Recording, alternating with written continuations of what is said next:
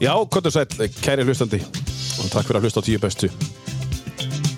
Stíf Wonder er farin að stað með lag sem heitir Happy Birthday í húsinu er Amalisbar og það kemur í ljós og eftir. Það verður gaman að því, hún á Amal í dag uh, við mannandi minn. Uh, Við sittum í stúdíó, podcaststúdíó Akureyrar, psa.is og við viljum uh, nefna það að við erum að leita að podcasturum eða hlaðvörpurum fyrir haustið 2022 og það er að hafa samband bara við mig uh, áskýra.psa.is eða þú vilt uh, kynna þér það betur. Kostar ekki neitt og við hjálpum þér að koma þér á stað.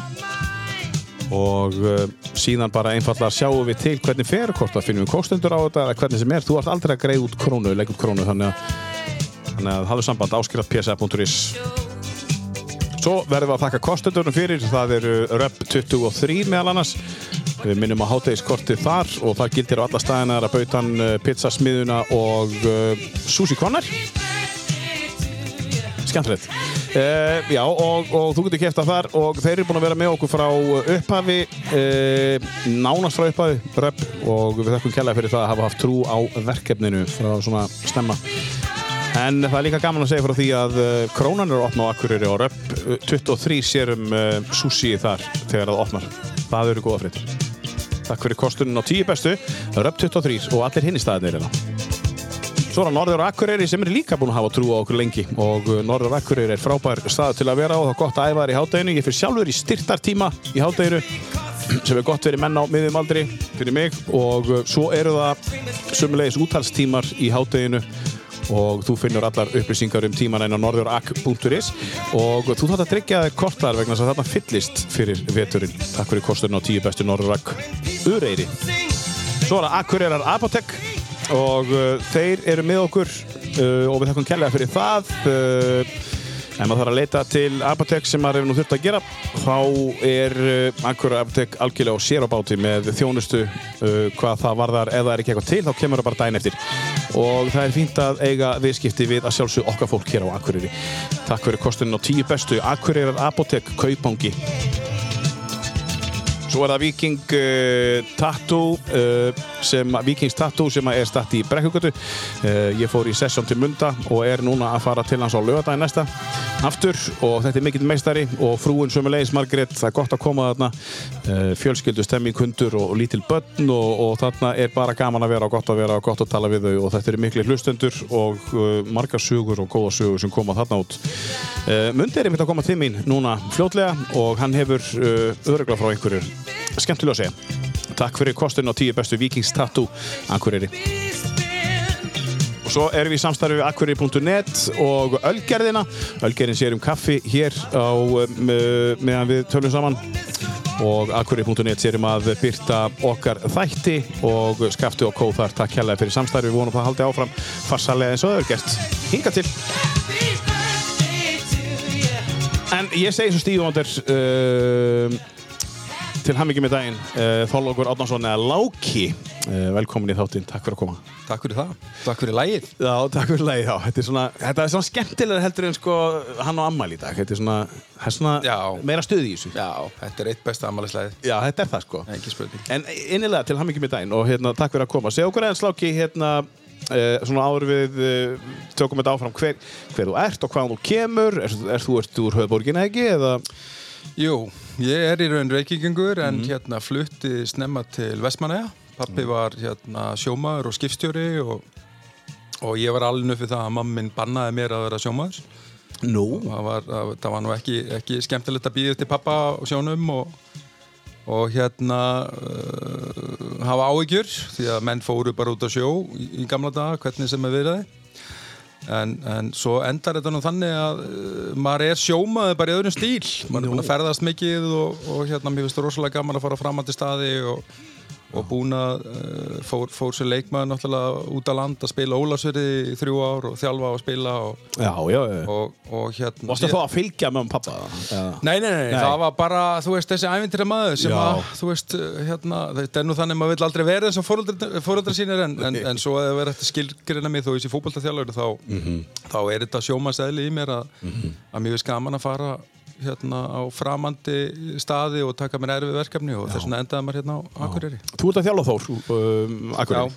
Hvernig, hvernig hefur það tekið við þér? Þú er búin að vera hérna í eitt á núna Já, það er komið eitt ár og þetta vissi að væri mjög krefjandi verkefni Mhm. og þess vegna langaði mér að taka það mér og þetta er sennilega erfiðasta verkefni mitt á minni 30 ára þjálfaraferli Já, mest græði, getur útskýrt fyrir okkur? Já, ég held bara að Þór hafi verið að rúlla niður stóra brekku og, og hérna og, og ég held svona að maður lítar yfir sumari núna ekki, ekki bara úrslit eða þróun leikmanna heldur bara svona í heildin að þá finnst mér klúburinn vera að taka vissir og er að svona hugsa þetta meira eins og fyrirtæki.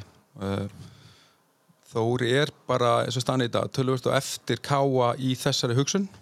Já, hvað var þar uh, svona fyrirtækis hugsun að mínum mandi já, og þetta hefur aðeins núist við en þarna þurfum við að bæta okkur enn frekar og, og, og svo er náttúrulega þegar þú tekur þú veist, maður velur sér ekki verkefni. Ég meina það, það varst með Arna Greta sér hérna um daginn og Já. þú veist, við erum með eins ólík þjálfar á störfu og hættur að hugsa sér. Annar er með leikmannahóp sem hann er mar, margi leikmennarna, hann er að reyna að kreist út síðustu drópana og örfa leikmennina til þess að vinna titil eða fara í örbikeppni meðan við erum ekki með þessi eldri leikmenn sko. Það er bara ekki til. Þeir eru með yngsta lið í, í, í lengjur Já, við erum svona með, það. Eru náttúrulega nokkur unglið í þessari deild og svona fer eftir einhvernum uh, leikjum sko. Um, mér finnst það persónulega kannski ekki eitthvað, þú veist, einhver afsökun af þessum unglið. Nei. En það eru þessar gríðalegu breytingar sem eru búin að vera á leikmannahofnum kannski, þú veist, það er bara búið að þróast í síðustu 2-3 ár allt og margir leikmenn hafa farið og kannski ekki alveg verið hugsað út í að halda ákveðnum árgangum inni eða ákveðnum típum af leikmennum og, og hérna en, en ég er á því svona uh, eftir þetta ár það hafa hlutabrjöfin í Þór hækka bara mjög mikið. Við erum komni með gríðalega góða unga leikmenn og, og það er bara mjög góða fréttir af félaginu. Mm þrýr núna valdir í 19 álandsliði það er af eitt strákur sem var, var hérna til Venecia í Ítalíu og Naron Ingi og, og, og við höfum verið með þrjá, fjóra annarflóstráka í byrjunlegin í allt sumar. Mhm. og annar leikmaður sem að lítið minnst á Ragnar Óli hann er búin að vera í byrjunleginu síðustu nýju leiki. Mhm. og svo eru líka strákar þarna sem eru tiltölu ungir sem eru þarna á bylunu 99 til 2001 Já, sem hafa staðið sér bara helviti vel í sumar sko. þannig að þetta skref svona fyrsta skref finnst mér búið að vera gott varnaskref Uh, en ég held sko að það, það sé ekki þetta meta kannski framistöðu okkar stjórnarinnar og félagsins og þjálfara fyrir en eftir eitt ár. já, Þetta er búið að það mikla breytingar og maður sé bara fyrir hlutin á tímabilinu var ekki nógu góður. Og svo hefur setni hlutin á tímabilinu nokkuð góður. Við erum með fleiri stegin í, í, í fyrra og búin að vinna tveimil meira. Og sama tíma og við höfum kynnt mjög marga leikmenn úr Akademíu félagsins.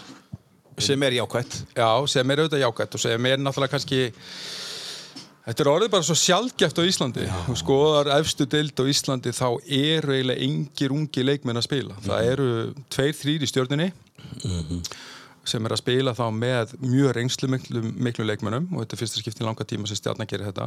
En þú skoðar efstu deild á Íslandi og í stóra samíkinu Íslandi er veist, bara lítið í alltfélögum fótbolta að það er mjög lítið sveigurum fyrir unga leikmenn að fá tækifæri. Og nú er lengjudeildin orðin bara svo deild, þetta er svona kannski sem þú tekur England, Championship deildir næst eftir deild í Englandi, þar eru brettar að fá tækifæri sko. Já, já, já þetta, þetta er alveg ótrúlega þessi þróun sé komin til Ísland sko. Já, en, einmitt. en Og þeir fara bara út á þessi bestu. Þeir fara bara beint Já, það er þannig og svo er það náttúrulega bara líka út af sko, aðdráttarafl þess að komast í Evrópu og Íslandi. Það er svo gríðalegu munur á því hvort að þú kemst í Evrópikeppni eins og til dæmis K.A. er bara þeirri stöðu dag. Já, og þeirra mótil gengur út af það að vantilega þeir hljóta að vera stefna að komast í Evrópikeppni. Mm Það eru ennþá meiri peningar og svo framvegis.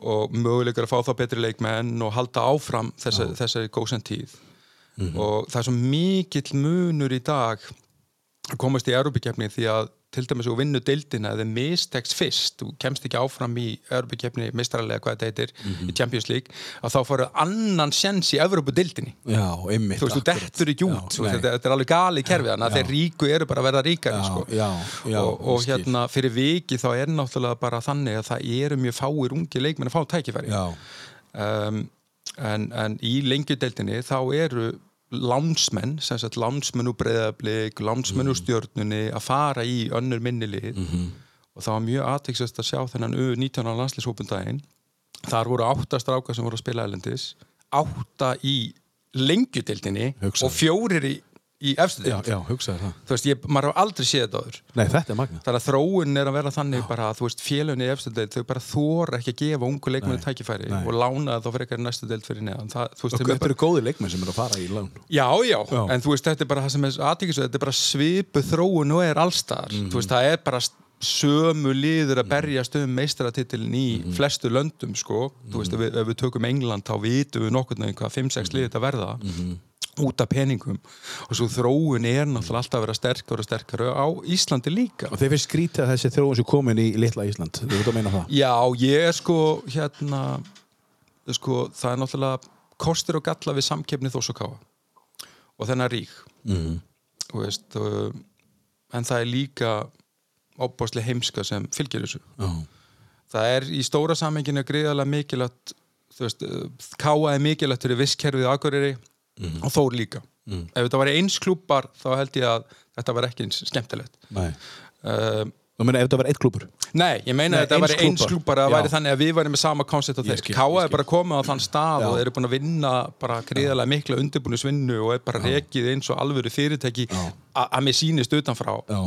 og svo hafa þeir haldið þeir eru til dæmis með þrá húsvikinga sérst í framlínni sem eru múin að sömu leikmyndir síðast Já. tvö- 2016 Einmitt. þannig að Nökkvi var í fyrsta skipti núna að koma sér í byrjunalið umfram sko Áskil, Hallgrim Mar og Elvar Átna síðast 2016 þetta er búin með sömu framlínu Já. og þetta er náttúrulega því Og hann er fyrsti, fyrsti maður sem fer út bara eftir nokkra leiki.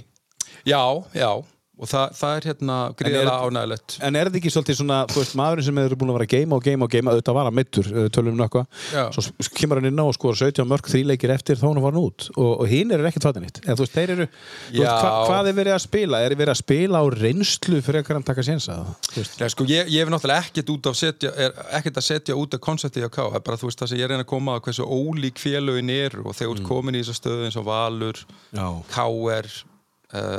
í meiri sér að breyðablík í dag mm. breyðablík fyrir nokkur árum síðan var félag sem fyrst og fremst þróaði leikmenn og síðan hugsaði um að vinna einmitt. þannig að ef að leikmenn var góður þá var hann seldur, þá fór hann annað. Það er fyrirtækið ekki.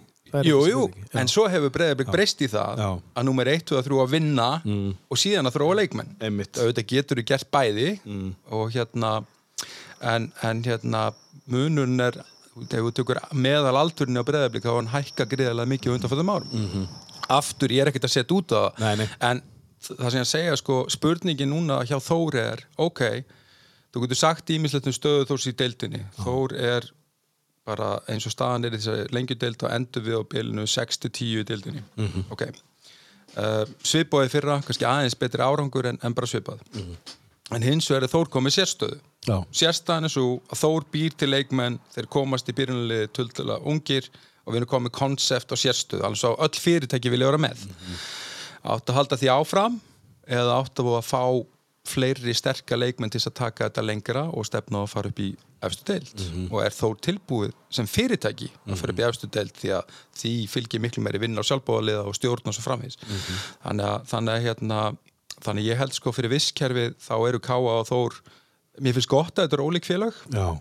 en hins vegar er visskerfið það virkar ekki í báðar áttir í, á höfðborgarsvæðinu þá útvega efstu lengjudildaliðinu leikmenn. Já, einmitt. Þú veist, þannig að ef Grindavík eða, eða Fjölnir eða eitthvað vanta leikmenn hérna mánuði fyrir mót þá fáðu leikmenn frá KR eða Breiðablík eða Víkingi eða hvað sem er. Við ringjum ekkert í KR sem Nei. eigi tvo-þrjá leik, leikmenn handa okkur sko Nei, nei. sem að þið þróið þá í leiðinni. Það er náttúrulega út að rígur félan það mikill að það er ekki, gerist ekki. Já, já. þannig að visskerfið fyrir norðan er þór gríðarlega erfitt. Já. við getum útvöðað liðum í annar og þriðudelt leikmenn. En við fáum ekkit frá Nei. frá hérna frá hérna, hvað við að segja, frá, frá stæðsta liðinu sem er, sem, að, sem er í efstu deild sko. Þannig, að, þannig að það eru ákveðanir sem við þurfum að taka með, með hérna næsta skref. En, en ég legg áherslu það ég segi bara með, þór sem fyrirtæki þá var hlutabrefin í, í félaginu hækka mjög mikið á einu ári því að við vitum að við erum að búa til mjög góða unga leikmenn. Og en, en það er þessi gött Mhm. sem eru þarna sem, að- sem að maður svona svolítið öfundar ká að hafa þessar reynslu miklu leikmenn. Já, eins og ég nefni hérna, þessar þrjá húsvíkinga til dæmis. Því líkur hérna, því líkur fengur fyrir þá en, en þeir eru ekki eilífir. Nei, nei, einmitt. en, en sko, Láki, um, þú það voru stjórnarskipti, hefði rétt það var ný framkvæmtastjóri í Þór uh, þegar þú ert að koma. Um, skoðaður þetta allt saman þegar þú varst að koma? Settir þú kröfur þegar þú komst að ákveðni hluti þurft að gera eða komstu bara eins sem þjálfari eða líka inn í fyrirtækið? Þór? Um, ég setti í raun ekki eitthvað rosalega kröfu sko. Fa- bara leist rosalega vel á ég held bara þeir, mér fannst Þór þurfa mér að halda. Mér, ég hef alltaf vilja fara á staði þar sem er þörf fyrir þig. Já, taka svona á- áskoranir. Já, já, ég, ég, ég, þú veist ég, síðast ég þjálfaði meistaraflokk og þjálfaði meistaraflokk hvernig ég var, nei hjá stjórnunni segi Já.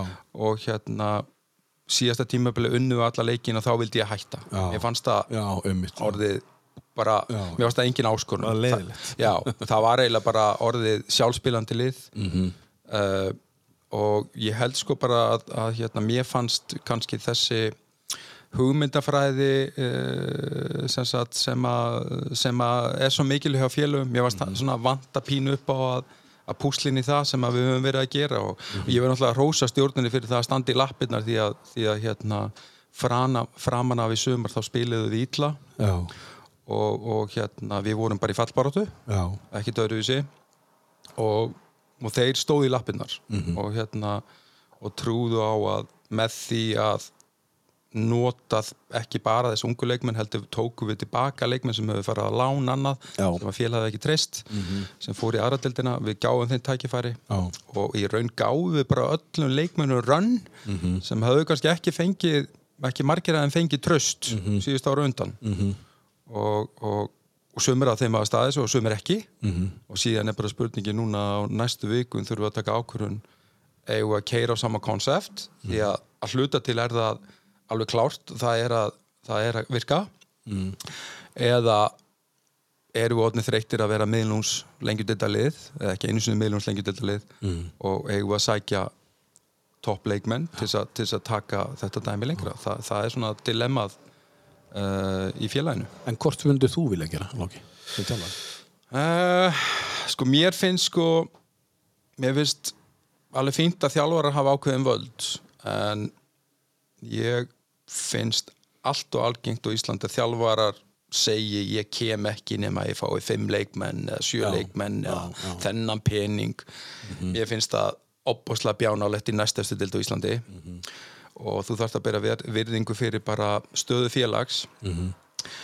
Hjá Þór þá er bara, er ég gríðarlega stoltur við tókum þessa ákvörðun á þessu ári. Hún var rétt, því að við höfum náða að búa til helviti marga leikmenn sem eru klárir í þess að deild um, en, en hérna þannig að ég held að maður vilji taka bara rúndin með stjórnamönnum um, það er vola auðvelt að segja þetta, já, fáum þetta marga leikmenn en, en, en það er bara hefur alltaf ykkur áhrif. Já. sem sagt bæði á hópin félagslega það hefur, eru stuðnismenn, hver eru stuðnismenn stuðnismenn þós eru tvískiptir, það eru þeir sem að vita hvað við erum að gera. Þú veist, það er náttúrulega félag þarf að kynna hvað það er að gera. Og síðan eru þeir sem að skilja bara ústill leikja hafa bara gull, gullfiska minni, það er í öllum félögum. Taka, taka ákvörðin þá með hjartna, hjartanu en ekki að höfðinu. Já, bara, þú veist, þú veist eitthvað Já, svona bara- bara... típiskur hérna þósari hljóma. Hva, Hvað er þessi þóllókur að gera? Það verðum búin að tapa þremur leikjum í röð og, Þú veist, hvað er í gangi og hvað er þessi pjakkur að spila þetta á kantinum? Já, þessi Þú veist, besservis eru upp í stúku. En að, að þú veist, það, það er bara, þú veist, kannski okkar verk að kynna hvað sem við erum að gera, það sem hefur hjálpa Þór að, að við erum í dag, við, við erum búin að selja leikmanna þessu ári, við eigum einn eftirsóknasta verðasta leikmann í Íslandi í dag, ungu leikmanni sem er Bjarni Guðjón, -hmm. sem er mikill áhuga á um, við eigum Kristoffer sem var valið núna í 19. landslið sem er gríðarlega efnilega leikmaður. Og svo kynntu við líka úr akademíinu Ragnar Óla sem fór í bakvarastöðuna og búin að byrja síðustu nýju leiki sem að kannski engin bjóstu því að væri komin inn í þetta. Hvað er hann gaman? hann er, hann er aðeins ári öðrum. Já, hann er 19. 2003, hinn er 3 2004 og, og svo, eru, svo eru líka bara flotti strákararna sem eru tveimur, þreimur árum eldri sem að hafa kannski ekki fengið hlutverk í liðinu sem að, sem að hafa svona sveiblast í sumar, verið góðir og ekki góðir en, en, en, en setni hlutan hafa styrst og, og eru þá að verða svona kjarnin í liðinu. Þannig að, Já, já. þannig að hérna ég þetta er eitt, eins og ég sagði, þetta er örgulega erfiðasta verkefni sem ég tekið að mér en, en þetta er búið að gefa manni rosalega mikið líka að þegar maður sér sko uh, þróunna og, og, og bara þess að þrjósku í okkur að hafa kert þetta í gegn að hafa, hafa gert það svona. En, en að mörguleiti var það líka neyð. Já, hérna, félagi tapaði mörgum leikmönnum. Þetta svona byrjaði svona síðasta sumar þau mistum tölvösta leikmönnum og þar meðal Jakob Íkáa sem, sem var anskoti vonda mínu mati því að, því að félagi misti marga leikmenn fram á við síðasta sumar. Alvaro fer á miður sumri og, og Sölvi Sverris og meðist og hættir í fótbolta og, og Guðni Sigþórsson fór í Magna og Jakob fór í Káa og Jóhann Helgi hættir í tíðanbili og menn svona, ég held að menna ekki alveg reikna sko, já, það er bara fimm sóknarmenn farnir þarna á nokkur mánuðum. Og, og svo ætlum við að bæta okkur það upp með að taka kóraskan leikmann sem frammina sem að fer eftir fimm leiki vegna meðsla og svo meðist Fannadaði sem var besti sóknarmæður kannski árið undan í fyrsta leik. Þetta er ótrúlegt. Og það ástu eiginlega bara komin í bara sömu stöðu og, og svona mitt síðasta sumar þar sem að liðið skoraði ekki áttalegi röð. Og, og það var eitthvað sem við vildum aldrei lendi Já, þeir byrji tímabili á því núna. Já, bara, þú byrja bara á bara, það er bara kirkningi að taka þarna eftir fimm já. leiki sko, þú er búin að missa fannar og vú. Þannig að hérna En svo takið þið hvaða skref? Þið, þið takið skref og það virkar bara í fyrsta leik Já, ég segi það nú ekki sko. Ég, ég, veist, Já, þið allavega skoruðu hvað, þrjum örk bara strax? Na, fyrsti leikurinn vannst 1-0 og, og ég held að sko, jú, jú, það voru þrjú stig en, en að missa fannar var gríðalegt áfall og það tók náttúrulega tíma að finna út úr því hversu mikið hann væri meittur en það, svo var þetta bara tímasetningin á þessu þegar menn er að lendi meðslum það er engin félagskiptaklöki opinn og getur Nei. ekki fengið leikmenn þannig að við náðum svona rétt okkur að miður sumri og, svo líka bara uh, meðan leikmenn brotniki en buðust alveg að þá, þá hérna, er ákveðin kjarni í þessu liði bara sem er, Er ekki- að vaksa Já, er það ekki eh, þegar þið byrjið svona illa og náðið hérna að vakna og, og enda betur eða vel frekar en öfugt, er þetta ekki óalgengara? Er ekki algengara að byrja vel og, og missa síðan dampinn og Jú, það er náttúrulega kannski allur gangur á sko. Ég, ég held að, að, hérna, að það sem að, að ég veit ekki, við til dæmis spi- spiluðum mjög illa útivelli í fyrstum fimm leikjunum, við fáum okkur meðtali 3,8 mörg Já. í fimm fyrstu útileikjunum sem er Já, já. svo koma fimm næstu og þá færið 1,2 mörg þannig að munurinn er svo svakalug sko. sko. og það var svona einhver útivalla gríla sem er búin að vera í, Já. í þó lengi Já. þú veist að tapa kannski 6-1 á útivilli eða lenda bara 3-0 undir eftir korter Já, já, sem að, kemur svona kannski inn á andlega þættinum Mhm. sem að, sem að hérna sem að maður bara kemur alltaf í ljós í þjálfuna er, er svo ótrúlega mikil og sérstaklega þú ert með ungan hóp. Já, einmitt. Þannig Já, en það sem skiptir mestu máli við erum á þessum stað og, og ég held að okkar mat sem að fórum að stað er það að, að við erum á við erum bjassinni með framtíðina en, en það er þetta þessi ákvörðun sem við þurfum að taka ætluðu bara að vera klúpur sem er bara frábæri því að þróa leikmenn og, og, og við þurfum að vera sigla ligna sjó í sér deild eða ætlum við að, að hérna, byggja ofan á þessa, þessa kjarnaleikmenn sem er aldrei 17-25 ára því að það er eng, nær engungu hópurinn er þannig 17-25 ára eða að fá inn leikmenn sem að styrkja þetta sem eru reynslu meiri sem hjálpa okkur að, að gera, gera ákallis að fara upp í efstu deild. Þa, það er svona það sem við þurfum að ákveða næstur í Já. Þú ert búin að vera eitt ár e- ef ég hef rétt fyrir mig þá gerur þú þryggjára samningu Þór. Um, Já, uh, það er og- rétt. og, og, þú, þú verður alveg næsta ár það er árið staðfest, Uh, þú verður heldur áfram og klára samningi mögulega, það er allavega næsta ár. Já, ég held að sko, ég held ég hafi gert tveggjára samning sem er óuppsennlegur Já, ég, ég ég á ekki von á öðrum að ég verði áfram og, og eins og ég saði sko, þegar gerir svona opbóðslega mikla breytingar á fyrsta ári sem við örðum að gera Já, já, uh, svo förum við inn í næsta ár sem er svona við vitum alveg, við vitum svo mikið. Já. Við erum búin að spila á mörgum leikmönnum það er margir búin að fá tækifæri. Búin að ala upp unga strákan Já, og það, það er ekki að fara að koma fjóri leikmenn og öðru flokkinni Nei, í liðan nei, að vita það allir sko. þannig að, þannig að hérna, Já, við höfum eins og það sko, og þetta er náttúrulega líka jákvætt vandamál, við höfum leikmenn sem hafa ekki, sem eru ungir Mhm. sem hafa ekki spila mikið í sumar sem ég finnst vera tilbúin á næsta ári. Við erum bara alveg skrambi góða unga leikmenn.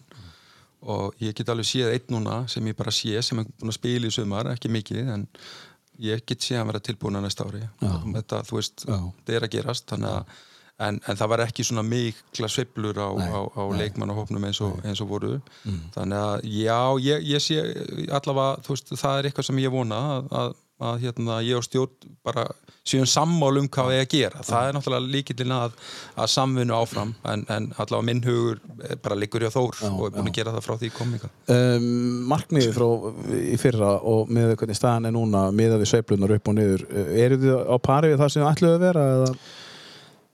Sko, ég held sko að við náttúrulega fórum bara fyrir þetta mót bara að vinna hvern einasta fótballaleik og, og vissum ekki alveg hvar við stæðum sko. Einmitt. Undirbúinstíðanbili var svona kannski við vorum svolítið, uh, við vorum svolítið talaðir upp í okkar bestu leiki voru gegn sterkum liðum. Já, uh, við vorum ekkit sérstakir á móti liðum í kringum okkur og slakari liðum, allt í lægi en þar fannst mér vanta bara svona andlegan styrk. Já. svona það er mjög auðvelt að mótu fyrir sig að spila móti Káa og stjörnunni Já. og breyðablík og þessu liðum. Sérstaklega á búin stjórnunni þegar þú varst að þjálfa? Já, já, en það, það var kannski, þú veist, hérna, hérna voru, það, það er bara fyrir unga leikmenn sem eru kannski ekki alveg nú andlega sterkir eða kannski andlega hliðin í liðinu. Sálinn í liðinu er ekki nógu sterk þá er ekkert mál að móti verið að segja móti toppleðunum en svo þegar ætlast þess að þú vinni fótballtalegi Já. þá er það svolítið tóldi kappin og Mó, Móti vera strákana en að eins og að sé að fara að spila við Káa í hverju meðansta leik þess að ég held ég teki allt saman að Þórsari sé með fleiri sigra móti Káa þú veist, í heildina Káa Þór í gegnum tíðina þannig þannig að bara við erum að fara að spila Já. við Káa alla leikina. Ég veit ekki, Já, ég hef ekkert fyrir mér í þessu ég Ég heyrði held- þetta einhver staðar. Já, já, ég þekki ekki tölfæran nú var að Káa brjálaðir en, en ég held reyndar að spennustiði sín og stundum fyrir þórstar að spila með Káa þau eru nú frekar að róa á, sko, heldur en að móti vera á. Hérna Þórsar runn okkur alltaf þegar ég var að, í, í gamla dag við, við áttum ekki sensið þá sko. Já, það er nú bara þannig Nei, nei, Káa hefur strákar já. sko. Káa hefur náttúrulega umfram okkur í dag sko, þeir hafa svo gríðarlega uh, breiðan og sterkan hóp og, og mikla sínum hóp og, og hérna en, en þeir þurfa bara eins og önnu félag að vera varbergi endur neða liðið sitt er bara þetta er sama og Káa er að lendi í mm -hmm.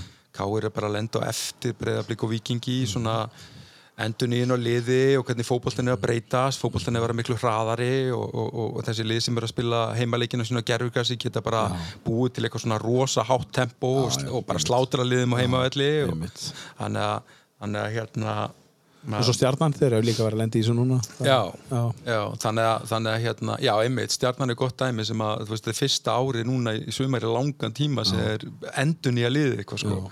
Og það tekur bara tíma, sko, og sér er búin að tapa fimm leikjum í röð. Og eru bara ekkit öryggir í mér sjötta sæti Nei, nei, þannig að það, stjarnan er mjög gott dæmi, þráttur að þeir séu með tölvöld eldri leikmunum með þessum ungu leikmunum. Þannig að- hérna, já þetta er bara orðið svo mikill fyrirtækisbragur á því að þjálfa fótballtalið. Þú ert að vera með rétta blöndu. Það er ekkert mál að koma inn eitt ár ef ég kem inn og sagði, já strákar, ég ætla að fá þetta 5-6 leikminni í byrjunarliði Já, og, og, og svo bara nærð þú ykkur í þriðja fjóra seti í lengjudildinni og Mhm. já, djöfull að þetta vel gert maður. Við skuldar enda 30 miljónir hérna en, en hérna, og yngri strákarnir er ekkert að fá að spila og veist, Já, það, já. það er ekkert Já, já. mál sko. Já, já. Eh, Já, já. Þór þurfti bara að Já, taka sér svolítið í gegn. Uh, við getum lært ákveðna hluta káa, bara líkt og káa getur lært ákveðna hluta okkur. Við getum tekið sem dæmi að, að, að hérna, með káa að uh, þeir eru náttúrulega algjörlega í núinu og eru að reyna að mjólka út sigra og komast í að móti kemur út að tapa 4-0 einhverjum leik og þú setur kannski 37 ára mann inn á að bekknu frá K.A. til þess að taka 15 myndur sem að 17, 18, 19 ára leikmur á K.A. á að vera að taka þegar, skilur við, í svoleiði stæmi Já, ég veit nákvæmlega hvort. Þannig að- hérna, að, hérna, þú stundum getur Já. tapað í eitt ár og grætt árið eftir og þú getur verið að vinna í eitt ár og svo færðu kannski andlitið eftir eitt eða tvö ár að þú hafir ekki verið að rækta í engar sko. Þetta er rosalega, þessi punktur sem þú kemur núna þetta er, þetta er gríðalega góð punktur og, og, og, og er, er, þetta sést út um allt að bara að, að setja einmitt einhvern, einhvern, einhvern inn á sem er bara orðin þetta gamall, frekar hann að nota ungu strákana, við erum fjögur nú lifir.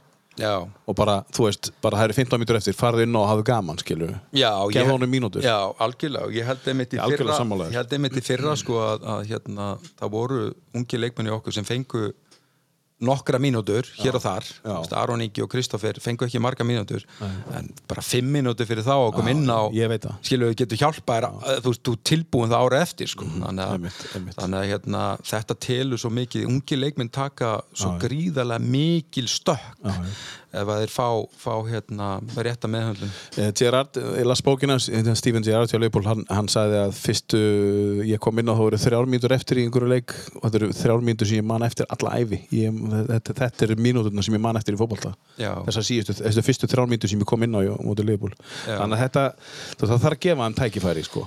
Já, en þetta eru auðvitað bara, þú veist, það eru mismjöndi fórsöndu Já, og já. til að vinna, þú veist, það, það er bara þannig að, að sterkustu liðin, það er erfiðara fyrir unga leikmenn að komast í sterkustu liðin á Íslandi. Það, það er gefið, hvort sem að það er káa eða breyðablík eða valur, það er bara gríðarlega erfitt fyrir unga leikmenn að komast í gegnum kerfið.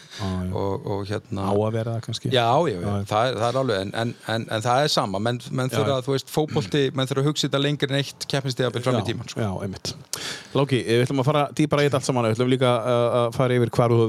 á svo leiðis og, og fara kannski dýbra í þóra eins og eftir. Uh, Þú fjast verkefni, uh, eins og allir fá, tíu lög, kom með tíu lög af, af þessi tíu uppbóðslög eða hvernig sem þú gerir það. Hvernig raðaður þessu lista saman?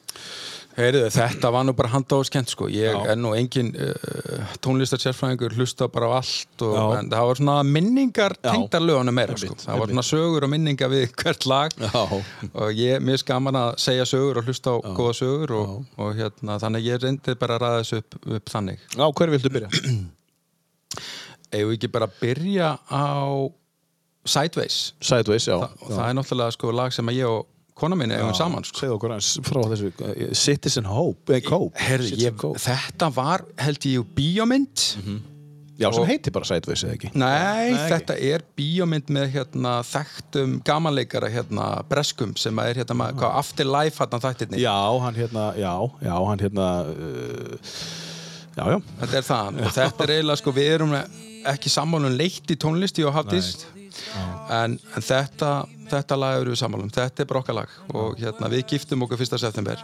Þannig að það Núna er síðastliðin. Já, já, til síslimann á hamingju. okkur. Já, þetta er stórkostlegt. En á síslimannum hérna. Hann var sko ammal í dag og hann var að segja mér á hann, ég á ammal í dag og ég gifti mig fyrir nokkru dögur síðan, þannig að það eru stóri dagar núna. Já, og það var ekki, þú veist, engin vissla bara skutluðum okkur að inn og, og hérna Það er geggjað, maður. og hérna, svo bara brúkusverð á, á hérna, á sunnudaginn Já, æðislegt. þannig að, en, en þetta þetta er bara hafdís Já, þetta er æðislegt. Sendu kveðu út í kosmosin til Hafdísar. Citizen Cope og lag sem heitir Sideways. Fyrsta lagið listan mann sláka. Ever you come around me, these feelings won't go away. They've been knocking me sideways. I keep thinking in a moment that time will take them away. But these feelings won't go away.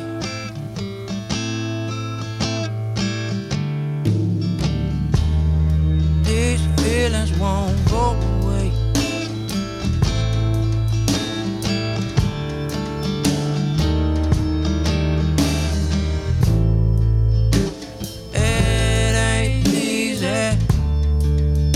Thoughts here to leave me. There are no words to describe it in French or in English. Cause diamonds they fade. Flowers they bloom. I'm telling you, these feelings won't go away. They've been knocking me sideways.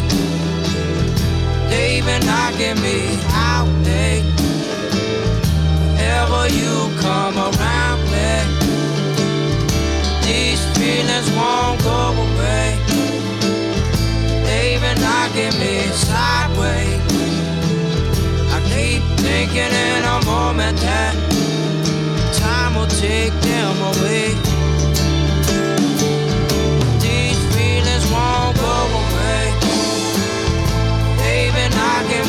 sideways. I keep thinking in a moment that time will take them away. These feelings won't go away.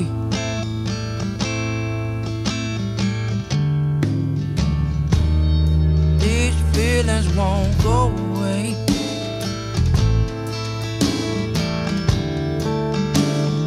diamonds they flame það er svona þegar mann er stilt upp og maður þarf að muna eitthvað nafn. Og ég geti, ég geti glemt nafnin á sjálfum mér en við vorum að reyna að muna nafni á Ricky Gervais hérna á hann frábæri þættir by the way, bara geggjaðir.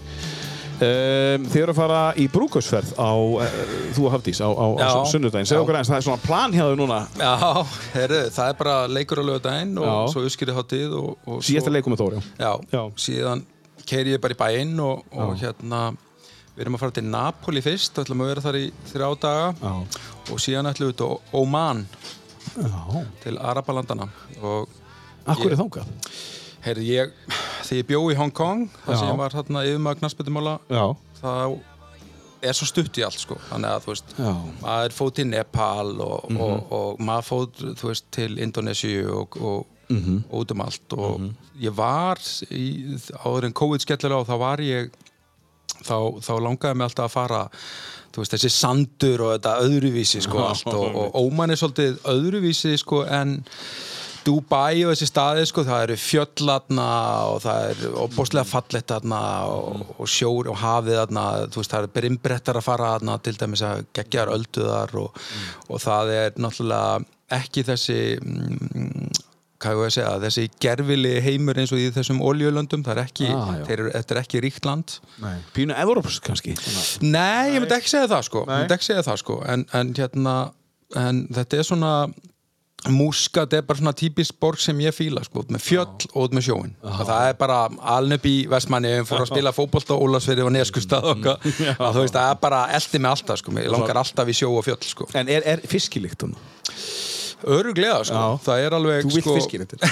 Nei, það er svona, jú, jú, það er ekkit verra sko. Það er bara þessi kultúr sko, bara allt öðru þessi kultúr, hitta fólk á mörkuðum Já, og, og, og, og, hérna lappa fjöll og, bara, bara öðruvísi sko. Þannig að þú ert að fara þangað með Hafdísi Já, af því að þú hefur verið finnst nei, þetta- ég, hef- ég hef ekki komið til nei, ég ætlaði að fara þangað Já, og var ég búin að skil. skipuleiki færi þangað en Já. svo þegar COVID kemur að, að þá þá hérna verður ekkit úr því ég var Já, svona að. Mhm. fara svona semi-fótboltaferð á þeim tíma og hitta menn sem að ráði við fótboltanum hérna í Óman en núna er maður bara að fara að- njóta sín sko. Já, æðislegt. Við erum alltaf eftir að koma inn á uh, þetta starfið í Kína, en segja okkur aðeins svona hvar þú ert búin að vera að þjálfa, hvenær byrjar að þjálfa fyrst? Herriðu, ég byrjaði sko á Ólasfyrði Já. þegar 1990 þá var ég að spila þrjú ára Ólasfyrði Mhm. Og var að þjálfa á sömurinn og þetta var svona áður en þetta leiftis ævintir í byrjaði þar sem að menn, menn dældu peningum í þetta Keiftur? Já, eins og Já. köllu Já, já. En þetta var Arda Gretas fór í keiftur, hann sagði það. Já, hérna já, já, já, ég menna Já, já. spilaði þar og, og ykkur Þósara, Palli Gísla og já, fleiri já. sko Já, já. En, en það er held ég ekkit fyrir svona 94-95 sem að menn fara að dæla miklum peningum í þetta ég var hérna síðasta á 92 og það var uh, frábært tími nema síðasta tíðanbili þá meiðist ég og, og það verður svona upp að endinum hjá mér Hvernig voru meðslinn? það var bara álagsmeðsli sko. Já, ég var já. bara svona helviti vittlus að, að hérna, stoppa ekki og var svona þrýst á með að spila ég var náttúrulega að markaskorarinn Já. og þessi álagsmeðsli enduði í því að ég bara stútaði mér Já.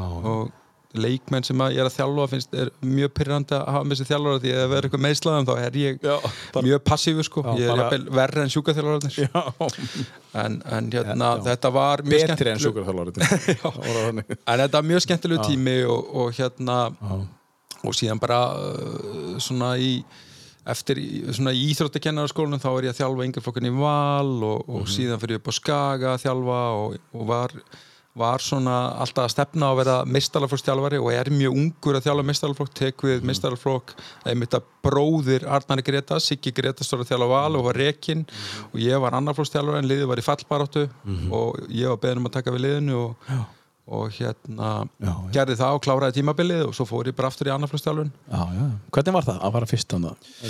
Það var- munur? Var mikill munur? það, já, já, það var sko Hvað varstu gamall? 27 ára sko. Já. ég er held ég yngsti þjálfari efstu til bara Já. sögunni sko. Það var sko maður var svo hrókafullur sko og fullur að sjálfa sér á þessum tíma sko, maður bara hrættist ekki neitt að bara fór í þrý fyrir þrýr og hápressaði með liði fallbaróttu þannig að hérna var ekki hrættu við neitt sko. Nei, við björgum okkur einmitt að þrjárum fyrir eftir þá unnum við Ía sko. Já. það tímabil hafði Ía verið með þjálfara sér Ívan Gólag Já, já. sem að tapaði fyrsta leik og sagði þá að hann myndi vinna næstu 17 Já.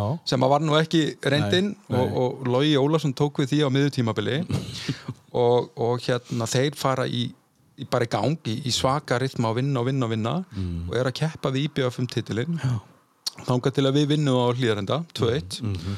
og hörðum Magnús sem var þá í val og skora sjöfumarkið og hérna og við klárum þá heimavelli og IBF vinnur held í Vesturbænum á sama tíma og það var bara móti búið. Já, við vorum búið. slopnið við fall og, og hérna og það var einmitt leikur þar sem við ákveðum bara að hápressa í að þó í að væri búið að vinna ykkur að sjöleikir auðvitað þannig að þú veist það var svona kostirnir og gallarnir við mann sko. En hefur þetta breyst eitthvað í þinni þjálfunum? Tekur þess að sénsa ennþá? Ekki Já, eins- já, ég gerði það sko, við töpum nokkrun leikjum í sumar sem að ég myndi segja skrifist á mig Mm. uh, fórum að fylgisvöll og hápressum við fylgi Mm. allan leikinn Mhm. og 78. myndi staða 0-0 eða eitthvað og við Mhm. töpum 4-0 Já. og mér finnst það mér finnst það að mikilvægt í þróun liðs að gera þetta Já. út af því að þú verður, þú ert að byrja með lið þá verður að sjá hvað þú getur hámarka lið og tapa Mm. eða skilur þú veist, það getur, á, það er meiri líkur á og tapir, þú ferð, þú veist að útivella mútið að fylkir er búið að vinna núna 13 leiki í röð Mhm. Og, og svo mæti Þór og hápressa í Já, já. En meina, það hefði þetta gengið. Já, já, algjörlega, Já, því, að, því að hérna að samaskapi ef að þú segir já, já, strákar, við erum að spila í fylki og þeir eru bara miklu betri en við og við ætlum bara, hérna, við ætlum að parkera rútunni. Og svo kemur þetta eina mark. Já, já, og þá er náttúrulega líka verður það þannig að leikmenn hugsa bara shit, þjálfarnu er enga trú á okkur Nei, sko. þannig að, þannig að hérna, ég, ég er þannig ég trú á því að þú vinnir inn í næstu leiki en í næsta tímabil með því að, að með ákveðin leikstil og síðan hefur við náttúrulega líka uh, í suma bara út af ég menna við lendum í ákveðnum miklu leikbann, leikbannu setjum hluta mótsins og meðslum og við erum búin að missa tölur þetta leikmannum út. Og þá þarf maður náttúrulega að haga bara seg, seglum eftir vindi sko. en, en, en, en hérna undirbúist tíðanbilið þá, þá verður þú að, að fleita liðinu og var til þess að pressa og svona, til þess að sjá hvað þú getur sko. En þannig ertu 27 ára gammal og, og, og, það er bliss í öllum göttum, þú skilur, og þú er bara tilbúin að taka 3-4-3 bara á móti uh, já, liðinu sem að hef- hérna í, í, uh, í, í hérna síðasta leik. Hvað gerir síðan? Hvert verður, heldur áfram að þjálfa það val? eða? Já, ég var með mjög góða árganga Það fórst aftur niður í annan flokk Já, Já. ég var með mjög góða árganga eða, þú veist, ég var ekkert að rembast við þetta, þetta bara, þú veist, mm. þjálfarinn var rekin og ég var bara, þú veist, var að vinna að félaginu og beðnum að taka dammir, það var ekkert eitthvað svona sem að ég var eitthvað, þú veist, að, að, að, að hérna, þrýst í gegn, ég hef aldrei gert það, sko, ég bara látið verkefni koma til mig, Já, sko, síðan en þessum tíma varmaði samt, sko, bara hjælt maður að maður erði, þú veist, hérna þú veist, bara mistarafórstjálfari og langaði síðan eftir það að fara ellendis að þjálfa. Minn draumi var alltaf að fara ellendis að þjálfa. Já. það var bara Já. sterkar öllum. Bara frá því var slítið já, Já. Það sést, eftir að ég bara, þú veist, basically hætta að vera leikmaður, þá hugsaði Mm. þetta er það sem ég langar að gera. Líka þegar þú varst í íþróttkennarskólanum já, ég held bara það var bara gríðarlega erfitt að komast út að þjálfa fyrir íslenska þjálfara, það er það og náttúrulega þeir sem hafa komist hafa flesti komist út af því að þeir voru toppleikmenn ef við tökum dæmi Rúna Kristinsson þjálfaði hjá Lokeren. Mm. hann var leikmaður þar Mhm. og, og, og síðan var hann að þjálfa líka í Nóri þar sem var leikmaður. Mhm. þannig að þú veist það er bara eins og Steven Gerrard leið og hann hættir að spila þá bara rauðu dreigillin og hann einsis Já, já, Eh, einmitt. þannig að við hinnir sem eigum ekki eitthvað farsalan eða langan feril þú veist, það er gríðilega erfitt að komast í svo leist þannig að það var alltaf draumurinn og, Mhm. og til þess að komast þá held ég að leiðin væri að vera þessi meistaraflóstjálfari Mhm. uh, uh, en ég sem meistaraflóstjálfari var fyrst og fremst bara dev developer, bara þróunar þjálfari, ég vildi alltaf koma ungu leikmennum að. Já, þú hefur alltaf verið Já, svona. og það var bara þú veist, Javal, mann ég þú veist, leiðum bara að halda okkur uppi og bara hendum pjökkunum inn. Já, já. uh, rétt eða ránt sko, Þa, það er Já, ekkert rétt eða ránt það er bara Nei. hvernig ég er. Já, og svo kemur fylgir á sínum tíma, ég þjálfa það í tvö ár og ég íti eldri leikmennum út. Fylgir hafði þá verið að sveiflast að mynd milli öðru og fjórðasætis en liði var að renna út á tíma. Leikmennum voru gamlir og voru fattin að að missa þá í, í, í sterkari lið. Og þá eru þarna Albert Ingarsson, Ragnar Sigursson Eyjólu Hjeðinsson og fleiri leikmenn sem að ég hendi inn í liðið. Ég líti baka sko, fyrsta tíðanblega fylki þá eru við fjórðasæti í dildinni og erum að koma samt þessum leikmennum að. Og síðan árið eftir, þegar tvei leikir eftir þegar var alveg ljóst að við vorum ekki að fara í Europakefni uh, og ekki að fara að falla þá er ég látin fara. Já, já. og, og þá vorum við búin að henda inn mjög mikið að ungu leikmönnum og, og endur nýja liðir mjög mikið. Mm.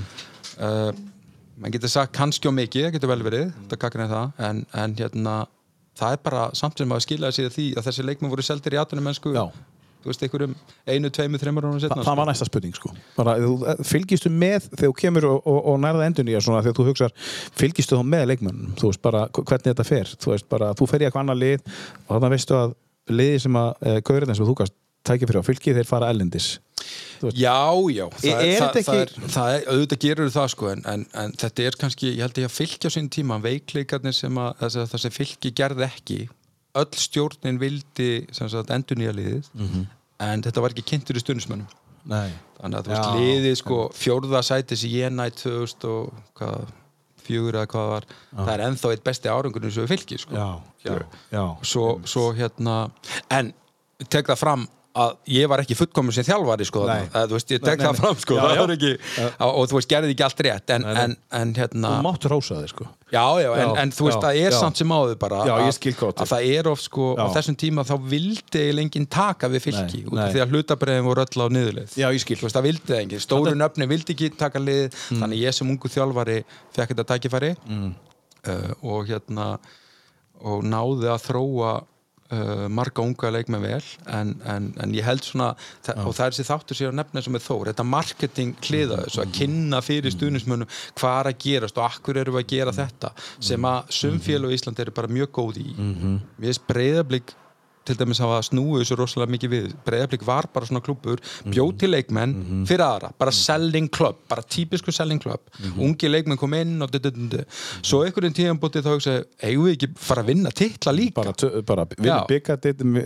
Já. byggarið 2009 svo höldum við áfram og þá snýst allt við. Já, og þeir- og þeir- já, já, og þú veist, þeir eru bara svona mm, veist, þetta lið í dag hjá Breiðablik er ekkert eitthvað svaka ungt lið sko, Nei, nei. veist, en, en bara opbóðslega skemmtilegt lið og, og þeir eru að gera greiðlega vel og, og er sennilega að fara að vera Íslandsmistari ár sko. já, já, sennilega sko. En sko, eins og með, þú veist að tala um sko hlutabröfin uh, hjá, hjá fylki og hlutabröfin hjá Þór. Er þetta eitthvað sem allir þjálfarar eru, eru sumir þjálfar sem fara bara inn til þess að þjálfa fótbolta? En er, vilt þú fylgjast með er þú meira manager heldur en kannski fótboltaþjálfari eða skilur við mig? Mm, Já, ég skil Framkvæmdastjóri, þig. er- þetta Já, sko þetta er náttúrulega bara tvær hliðar á djöpunni það er, þú ert þú ert frangandastjóri Já. og svo ert út á velli og, og ég held til dæmis að út af því við erum búin að nefna uh, ég myndi segja Káa að Arna Greta sem veri þú veist góðu frangandastjóri, hann Já. veit hvað þarf til að ná árangri. Já, og hann hefur fengið þá leikmenn sem að, þú veist, Mhm. duga í það.